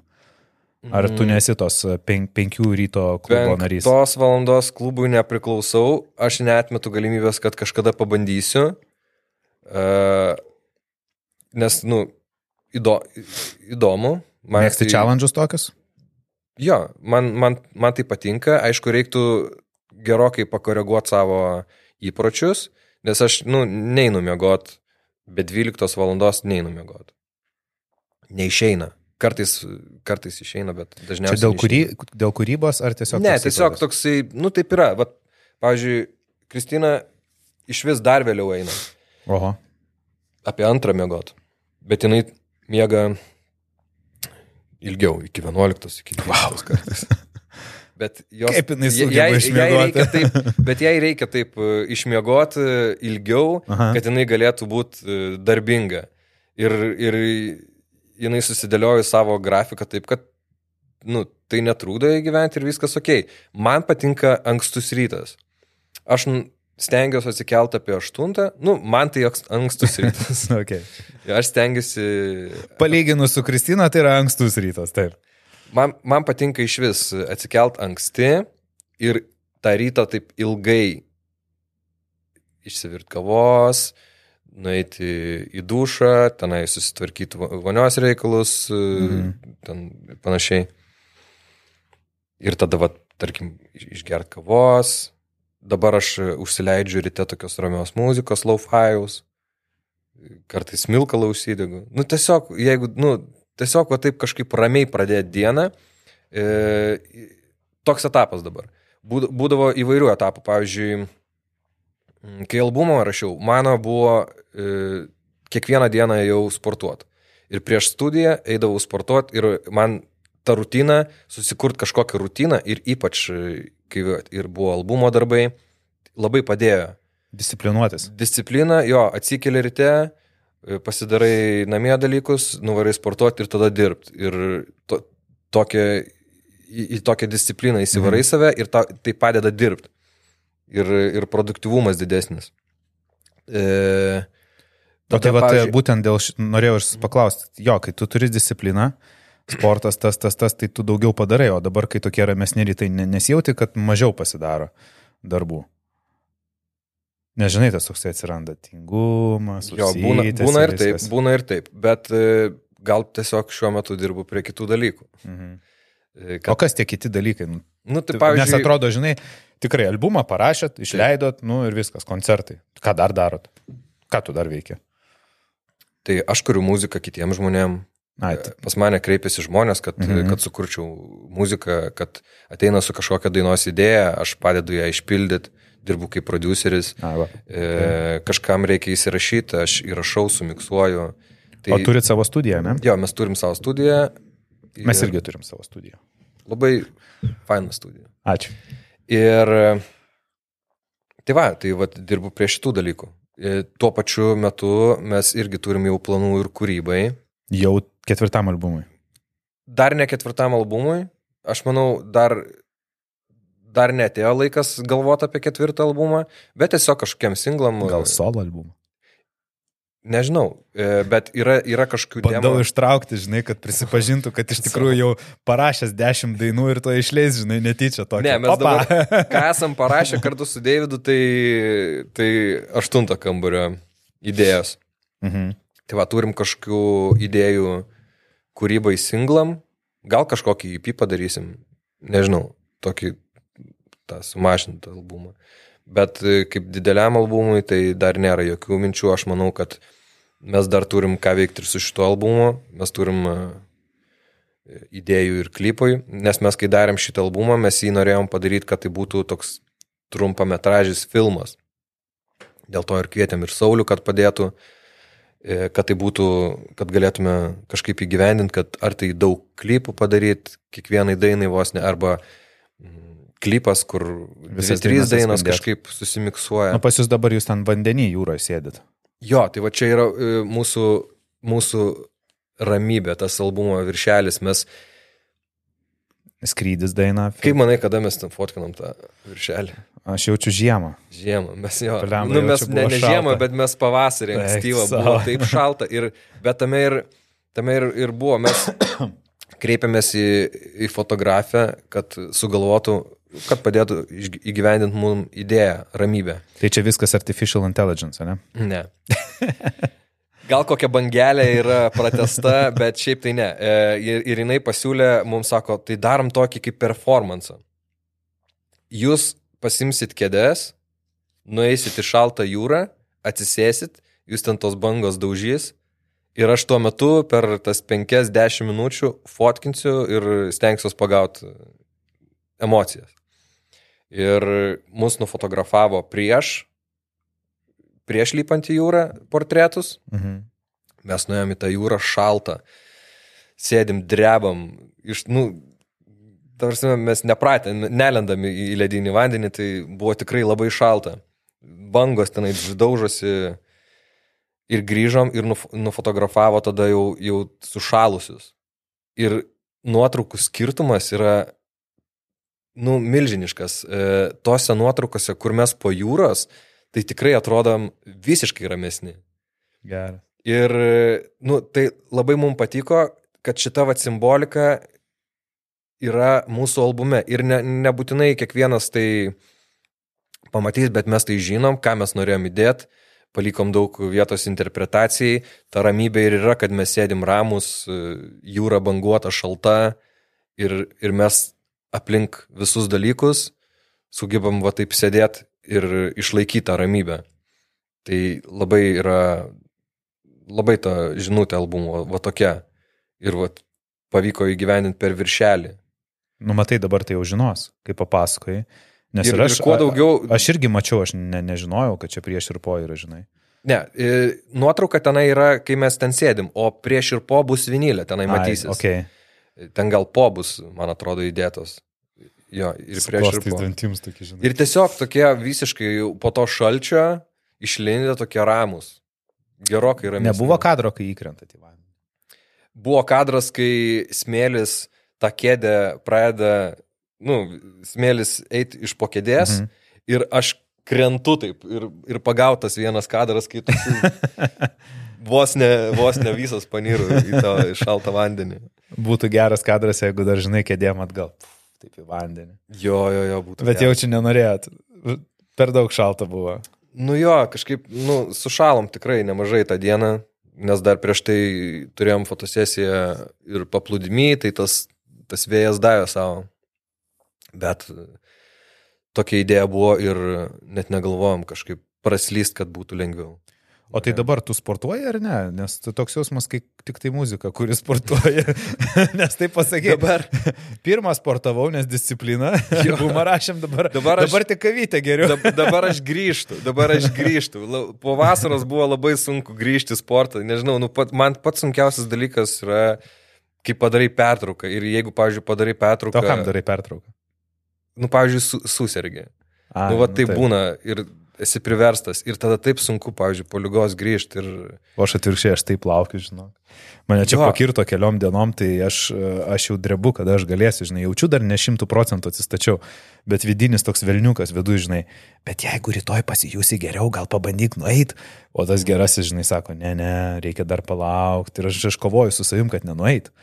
O, o tu kovoji su savim, kad Man, man viską išderino vasarą ir vasaros koncertai ir aš tiesiog kažkuriuo metu paslidau ir nenuėjau, nenuėjau vieną kartą, nenuėjau mhm. kitą kartą. Kabina. Ir taip tada, O kas, Taip, kas e. tave motivuoja eiti? Nes, nu vis tiek, uh, tau tai duoda naudos, pavyzdžiui, ten, vat, išsiaiškinom, negeria, ne? Nes, nu, norisi gerų dienų, o ne pilnaverčių dienų, nesinori, kad kitą dieną blogai jaustumėsi. Kiek įtakos tavo gyvenimui, muzikiniai karjerai turi ten mytybą, žiūri, ką valgai, kaip jo, maitiniesi. stengiuosi, ne visada išeina, bet stengiuosi žiūrėti, ką valgau. Mm, Nes irgi, kaip ir, kaip ir pradėjo patikti gera kava, taip ir pradėjo patikti geriau mažiau maisto, bet geras maistas, kad būtų. Ir kur tau geriausia valgyti namuose, ar kažkur tu esi atradęs vietų? Aš namie. Aš dažniausiai namie valgau. Esi geras kulinaras? Mes kartu su Kristina mėgstam. Koks jūsų firminis savo. patiekalas? Pats, pats mūsų firminis, tai dažniausiai darom e, tai e, švieži makaronai su saulė džiovintais pomidorais ir feta. Čia mūsų, daž, nu, toksai greitas, kai reikia greitai, Bet skamba labai skaniai. labai skanu ir yra, jo. Tai, Tai palauk, išverdat makaronus druskai, ne? Nusipirkam ten tokie būna švieži makaronai. Ai, nu, kur jau. kurie tenai per verda kelias dvi minutės, jo. Ir tada ten supjaustai saulė džiovintus pomidorus, Mhm. pakepi su česnaku, Bet čia saulė džiovintus, tai turiu minį konservuotus, tos salėjoje. jo. Aha. Ir tada sumaišai su tais makaronais ir dar įdedi, pridedi fetos. Ok. Tai skanu. Mm. Ir čia gal nėra, tai žinai, kažkoks sveikas maistas, bet e, vis tiek, nu, skanu. Emociškai sveikas. Jo. Toks comforting. Comfort food. Jo, kaip, kaip ir būna įsijungi draugus. Kai nežinai, ką žiūrėti, ar, ar pavyzdžiui, prasta nuotaika, nu, nu, nuotaika, tai draugų serialas visada. toks. Labai gaila Matthew Perry. Jo, labai gaila. Mes jau du kartus, Kristina gal penkis kartus peržiūrėjo serialą. Dabar vėl pradėjo. O mes, mes kartu jau du kartus peržiūrėjome. Nes aš dabar šitą pastebėjau, kad Netflix'e po jo mirties, man atrodo, draugų serialas ant trečioje vietoje. Jo, jo, Iš jo. karto visi vėl Jo. pradėjo žiūrėti. jo. Bet vat, man čia irgi parodo, žinai, apie tas vertybės ir apie tą dalyką, apie kurį mes pradžioje kalbėjom, kad reikia vertinti tai, ką turi ir panašiai, kad visi prisimena apie žmogų tada, kai jis jo nebelieka, žinai, ir pradėjo apie jį kalbėti jo geriausi draugai, taip toliau, dabar. jo. Vat, ne, nes, ne, nespėjom, neturėjom laiko, kiek nepasakyta, kiek nepadaryta. Fak, visi turim laiko. Hebra, va. paimkit, paskambinkit. Labai dažnai aš pastebiu, žmonės, e, net ir save aš pastebiu, aš būnu namie ir man sako, nenorėjau tavęs trukdyti. Kodėl tu nenori manęs trukdyti? Aš visą vakarą nieko neveikiau. Tursime, man atrodo, tu užsiemęs. No fucking way, aš neužsiemęs. Prasme, aš vakare nuo šešių sėdžiu namie vienas. Neturiu nei žmonos, nei panos šunį turiu, ne? Tu sėdžiu namie, ko tu man bijai paskui. Visi prisigalvojam priežasčių, Jo. kodėl kažko netrukdyti. Bet po to, jeigu kažkas atsitinka, o neturėjau laiko ten ir taip toliau, žinai, tai tiesiog labiau vertinti Ir kai tu kažką tai nori, paimti ragelį ir paskambinti, nebijot. Nes, Nes tuo pačiu metu, kai galvoja, kad e, nenori tavęs trukdyti, tai gali paklausti. Taip. Ar galiu ir tave jeigu tu- patrukdyti? Ir jeigu tu užsiemęs, okei, okay, tu pasakys, užsiemęs, bet taip. pabandėjai. Taip, taip. Tai, Tai aš irgi dabar stengiuosi irgi paskambinti draugam, jeigu yra šansas, vat, kažkur kas ir iš Zarasų, nuvažiuoju, paskambinu, neišeina, neišeina, išeina, susitinkam ir, ir labai faina. Nu, reikia kažkaip tai čia ir Reikia tiesiog dirbti, prisiverst. Ir, ir nelaukt, kol tau paskambins, o pats paėmė ir paskambini. Mhm. Pats paėmė ir parašai, pasiūlai susitikti, nueit pasivaikščioti ir panašiai. Tai čia labai svarbus dalykas, kurį irgi va, dažnai va, pamirštam ir, ir tie telefonai, internetas, mus kaip tik ir tie dalykai yra atitolino. Ir, nes anksčiaugi būdavo, nereikdavo paskambinti, kad ateiti svečius kažkam. Tai Kažkas seni, anksčiau tiesiog tiesiog- pasibelsdavo į Taip, duris. anksčiau į duris paskambindavai, Ir darova, tipo, ką va, tu? Jo, jo, o jeigu kažkas pasibeldžia į duris ir tu, kas čia dabar? Nu, Ir keista. prieini prie kutės, pamatai ir specialiai apsimeti, kad nėra tavęs namie, žinai. kad nedaug dievė netidary durų. Dabar, nu, dabar keistas dalykas, jeigu paskambina kažkas nepranešęs ateina. O anksčiaugi buvo labai natūralus ir Taip, taip. paprastas dalykas. Tai vad ir yra tas, gal technologijos mūsų atitolino, atrodo kaip ir arti, mes matom kiekvieną, kiekvieną pusvalandį vos ne, kas ką daro. O gal dėl, to ir, gal dėl to ir mes galvojam, kad nereikia trukdyti. Nes, nu, fiktyvų pasaulį Jo, susikūrėme. nes atrodo, kad daug ką veikia. Nes, pavyzdžiui, Taip. irgi, vat, e, čia, nu, pastaruoju metu vat, kažkas paklausė, kuo užsiemi. Ir man atrodo, kad aš nieko neužsiemu, beveik. Man atrodo, taip dabar, vat, e, nu, Lyrinė pauzė tokia. atrodo, žinai. kad kažkaip kažko aš nedarau ir tada pradedu vardinti, sako, tai čia daug dalykų ir galvoju, nu, nu jo, bet man atrodo, kad čia vis tiek kažkas po biški, po biški jo susirinka, bet kai tu tuos visus dalykus pasakai per kartą, atrodo, kad tu labai daug ką veiki, bet iš tikrųjų to laiko yra ir, ir susitikti ir... Bet kitas, padirbt. kuris mato tavo storius ar tenai paustus, jam atrodo, kad, o dieve, tai jisai ten koncertai, ten įrašinėja, svečius kviečiasi, tenai perklausos. Aš daug, toliau. aš la, retai dedu storius iš tikrųjų. Nu, Nesi labai ties- socialiai aktyvus. Ne, galima pasakyti, aš labai neaktyvus ten. Mhm. Kodėl? Nežinau, tiesiog neturiu poreikio, man nenoriu, nu, nenoriu. O tavo žmona? Jis dažniau kažką vi- vis paposina, bet irgi nėra, kad, kad ten rodytų nuolat savo gyvenimą. Aš mėgstu, kai būnu studijoje įsidėti, ką nors, vat, kažką parodyti, bet tai žmonėm tikriausiai neįdomu, E, bet man tai labai įdomu ir šiaip... Tai darai dėl darau- savęs. darau dėl savęs ir nėra to dalyko, aišku, reiktų gal kaip ir iš verslo pusės ir gerai, nu, taikytis prie, prie dabartinių taisyklių, bet man tiesiog, aš nematau reikalo. Man nėra reikalo. O ką, Aš noriu daryti muziką. o vat, kalbant apie muziką, ką tu patartum jaunimui, kuris, nu, nori, nori tapti žinomu? Kaip pradėti muzikuoti? Ar gali bet kas? Kaip suprasti, kad turi talentą? Tai jeigu visų pirma gal reiktų pamiršti, nu, ne, nestatyti tikslą tą dalyką, tapti žinomu. Daryti tai dėl, dėl Tai to, kad nori. Daryti tai dėl to, kad, kad tu nori, visų pirma. Nes jeigu tu, aišku, gali ir tapti ir žinomu tiesiog darydamas kažkokius dalykus, bet tas... Tik to, ką užtenka daryti ir jau tapsi Ja, žinomu. ir, bet jeigu tu darysi muziką dėl to, kad tu negali nedaryti muzikos, tai tavo ta muzika turės didesnį svorį, didesnę vertę tau, tau teks, tu suprasi, kad esi laimingas, nes tu jau darai muziką ir tau nereikia e, kažkokios super didelės audito, auditorijos. Ir jeigu tu darysi muziką, tu būsi patenkintas tą muziką ir dar tai pasiseks, kad e, didelė auditorija atsiras, tai iš vis, e, nu, Čia savo istoriją pasakoja. turbūt. Nu, tarsi tai nebuvo, kad mes susikūrėm dėl to, kad mes norėjom tapti populiarūs. Mhm. Mes visų pirma pradėjom daryti muziką, mes, nes mes norėjom daryti muziką tiesiog. Mes net netikėjom, kad taip įmanoma tais, tais e, tuo metu, kad, kad mūsų muzika gali būti e, žinoma plačiam klausytojų ratui. Bet mes darėmės, tada kažkokiu momentu susigalvojom, kad vat mes norim arenos. Ir mes e, manifestavom, e, tuo metu mes nežinom, ką darom, bet dabar, kai pasižiūri, ką mes darėm, mes manifestavom. Mhm. Ir visokie... Bet tai veikia. Jo, ir tai labai veikia, bet e, mes tai darėm iš, nu, iš pasąmonės. Tiesiog mes tikėjom, kad kažkada ateis diena, kai mes koncertuosim arenoje. Ir čia buvo mūsų vienas iš tokių milestonų. Kiek turėt daugiausiai klausytojų? E, apie 6 tūkstančius. Dabar labai populiaru, man bunkė surinko 17 tūkstančių, man atrodo. Taip. Bareikis 12, ne? Praeitais metais. Tai dabar populiaru jo arenos ir... Kada jūsų arena, aštunto kambario uh, mega koncertas Žalgerio arenoje Kaune? Nes didžiausia Um, arena, kol kas Vilniuje neturim, jo. žinai, stadioną. Tai Mm, tai nežinau, tai mes vieną areną turėjom.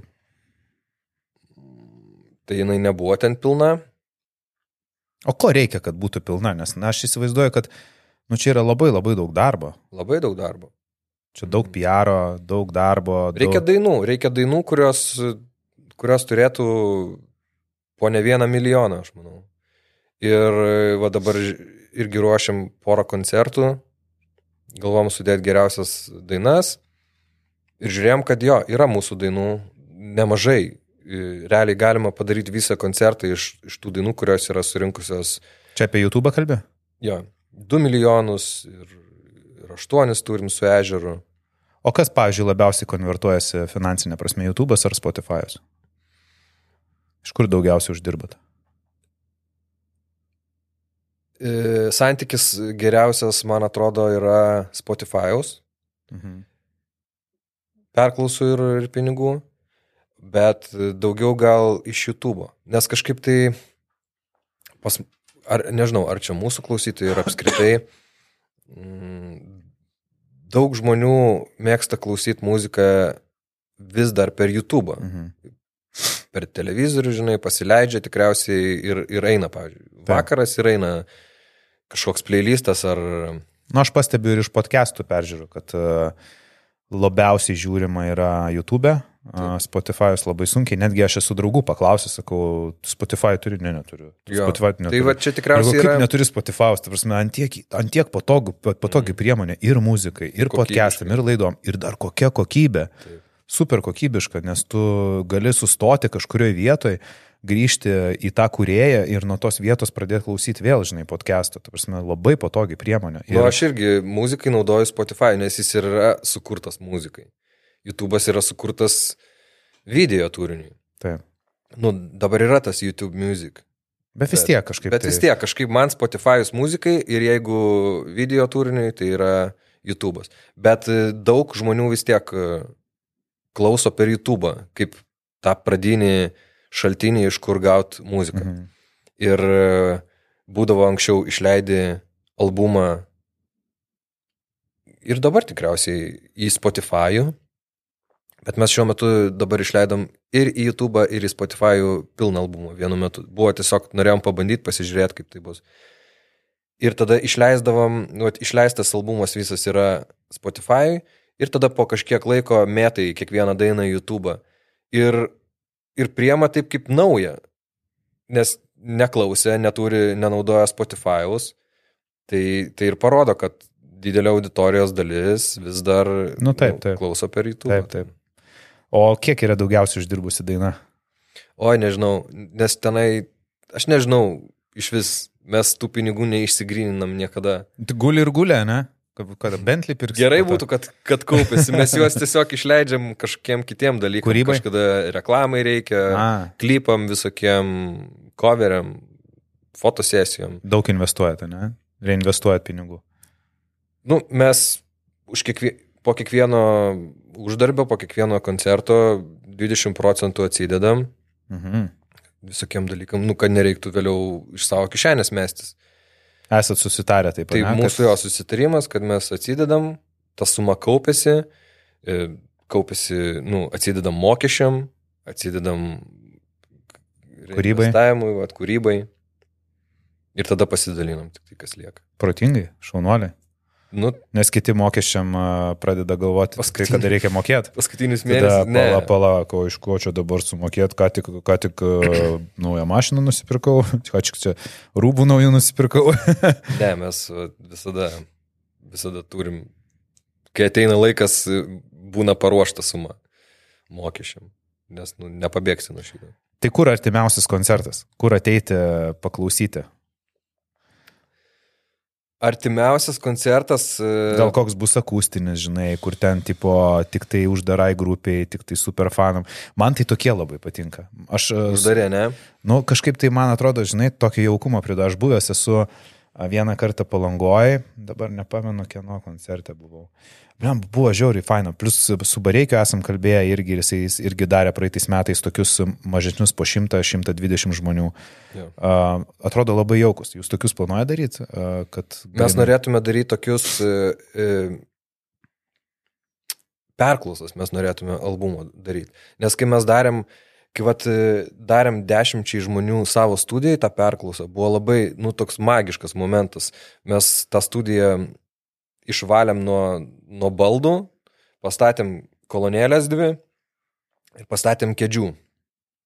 Ir visi tokioj vat, mūsų studijoje susirinko ir sėdėjo ir žiūrėjo į tas kolonėlės ir klausė albumą. Ir nebuvo, nebuvo jokių muistimuisi, telefonų tikrinimų, ne vienas neįsitraukė per tas 50 Griežtai telefonas už durų. Ne, mes net nesakėm jokių tokių taisyklių, Patys žmonės, bet tiesiog ne? patys žmonės suprato, kad, nu, Aha. jie atėjo paklausyti albumo ir mes tą ir norėjom, kad išklausytų tą albumą, o ne tiesiog uh, kažkaip pramestų tas dainas. Taip. Mes norėjom, kad tą albumą išklausytų, nes jis geriausiai, jį geriausiai suprast nuo pradžių iki galo, kai tu gali visą išgyventi ir jį kaip priimi kaip filmą. Kaip ir vat, e, buvau pradėjęs sakyti, kad pradžioj mes dainuojam apie ego. Tada e, tas ego išūkdo dalyką, kur tu e, negali sustot. Ir, ir tada pavargsti, nuovargis, ir tada visokie nuopoliai. Ir tada po visokių nuopolių tu grįžti namo į savo, į savo ramybės oazę.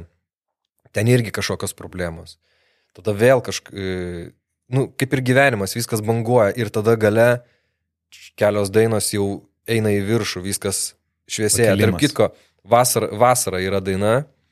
Ir aš prisimenu, kai mes ją parašėm, mes, mes tada sporto klube su tavim kalbėjom ir tu klausai apie kūrybą.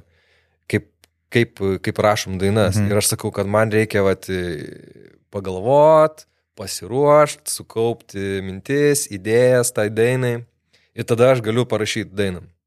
Ir tada aš po to, e, po to mūsų susitikimo tą dieną ateinu į studiją ir sėdi Niko sudėjų ir sako, darom gabalą.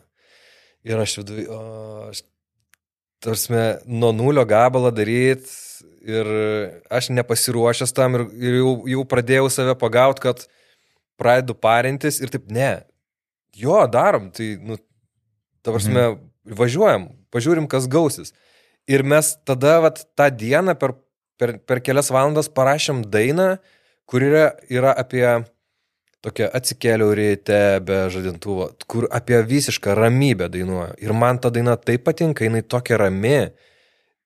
Ten O, kaip faina. Ta diena, kai mes bendravom, Jo, kai, daina. jo ir, ir, kai, kai, ir tą dieną, kai aš pasakojau apie tai, kad man reikia reikia laiko. laiko, visko. reikia pagalvoti apie tą dainą ir aš va taip. atvariau į studiją ir sako, Hebra, rašom dainą. Ir, ir tas, ir tas, e, ne, tas neleidau savo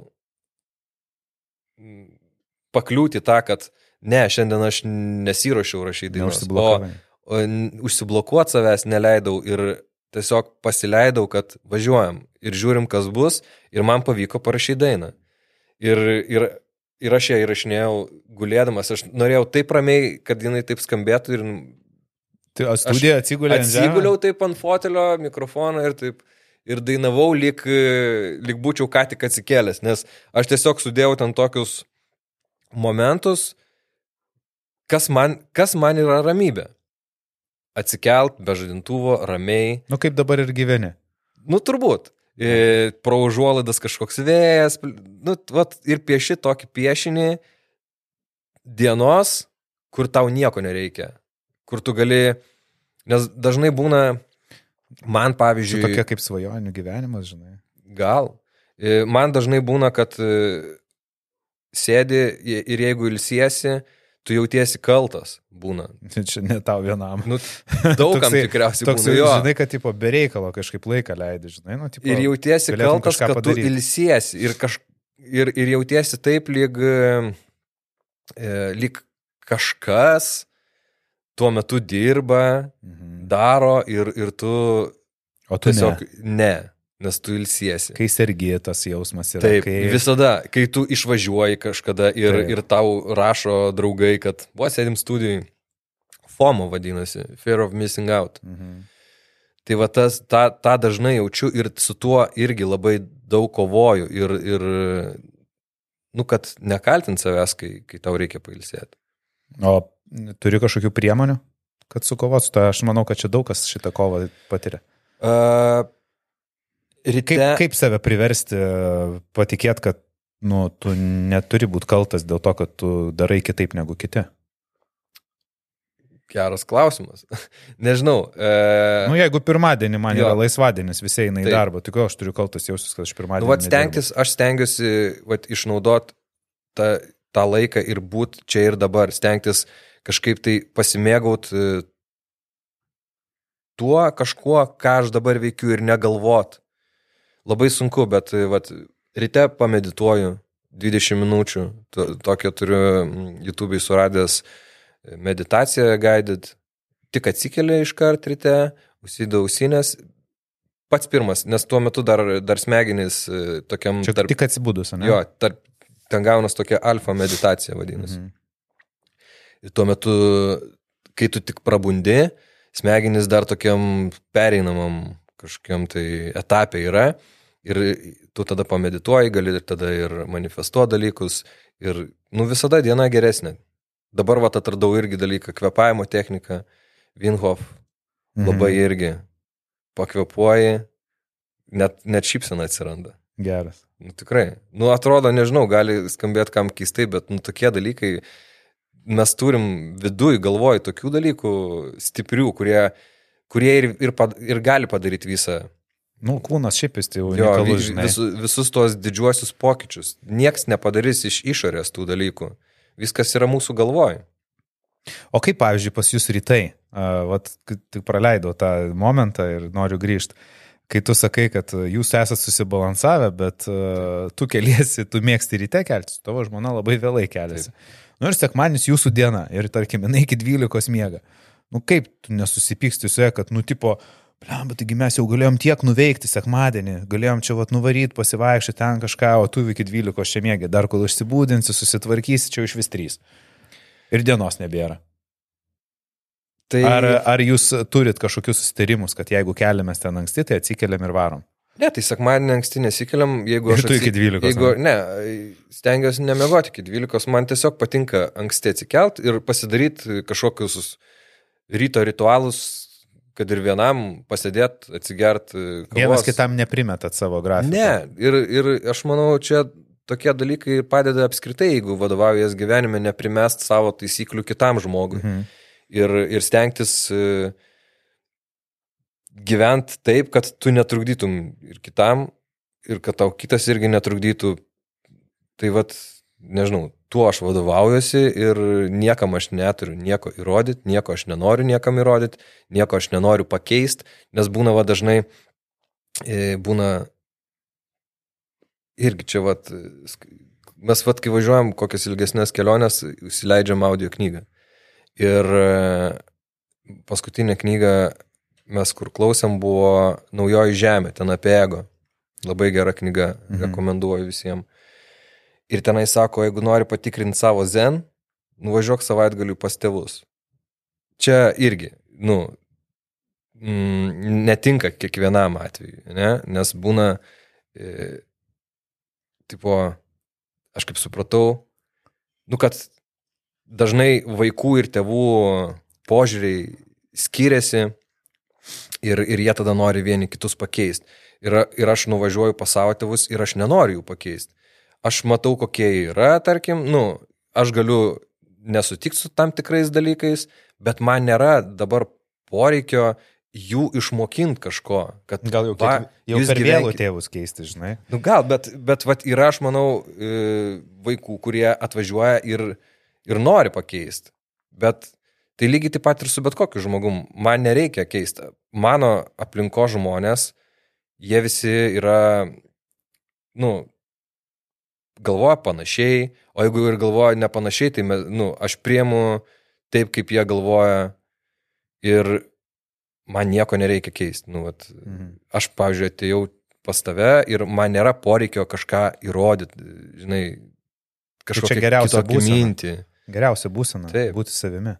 Ir iš tikrųjų, jeigu tu būni savimi ir e, tu sutinki žmonės, kurie tave priima tokį, koks tu esi, tai yra mm, geriausiai sutikti žmonės, nes e, tau nereikia prie jų apsimetinėti. Tai va čia ir yra tas, e, tas susitaikymas su savim, kur, kur pradžioj sakėjai, kur, kur ten outro aš sakau, kad tas susitaikymas su savim ir yra, kad nebijot parodyti toks, koks esi.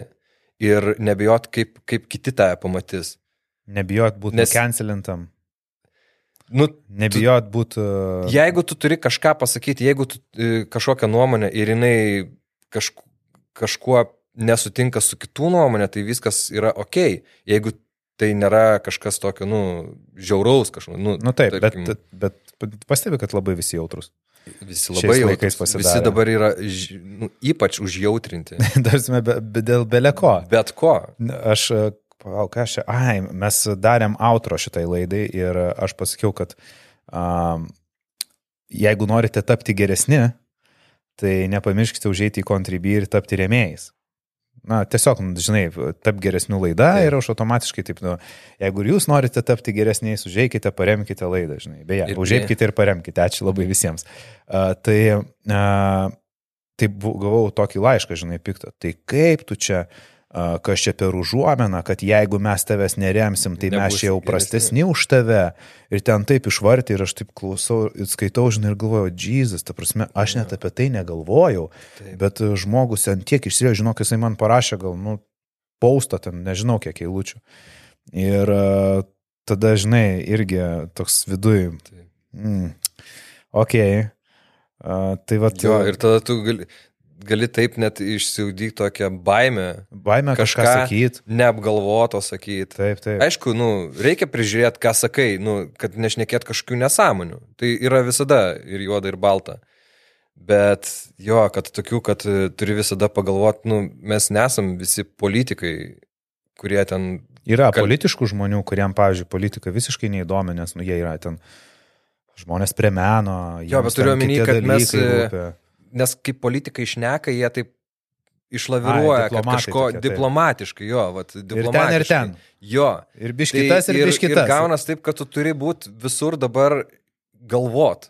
Arba turi galvot- pritapti populiariai nuomonį, nes kitaip Arba blogas. Prita populiariai nuomonė. Bet svarbiausia, aš manau, kad e, e, tiesiog nebijot savęs. Ir e, vat, kaip ir pradėjau šitą mintį, kad e,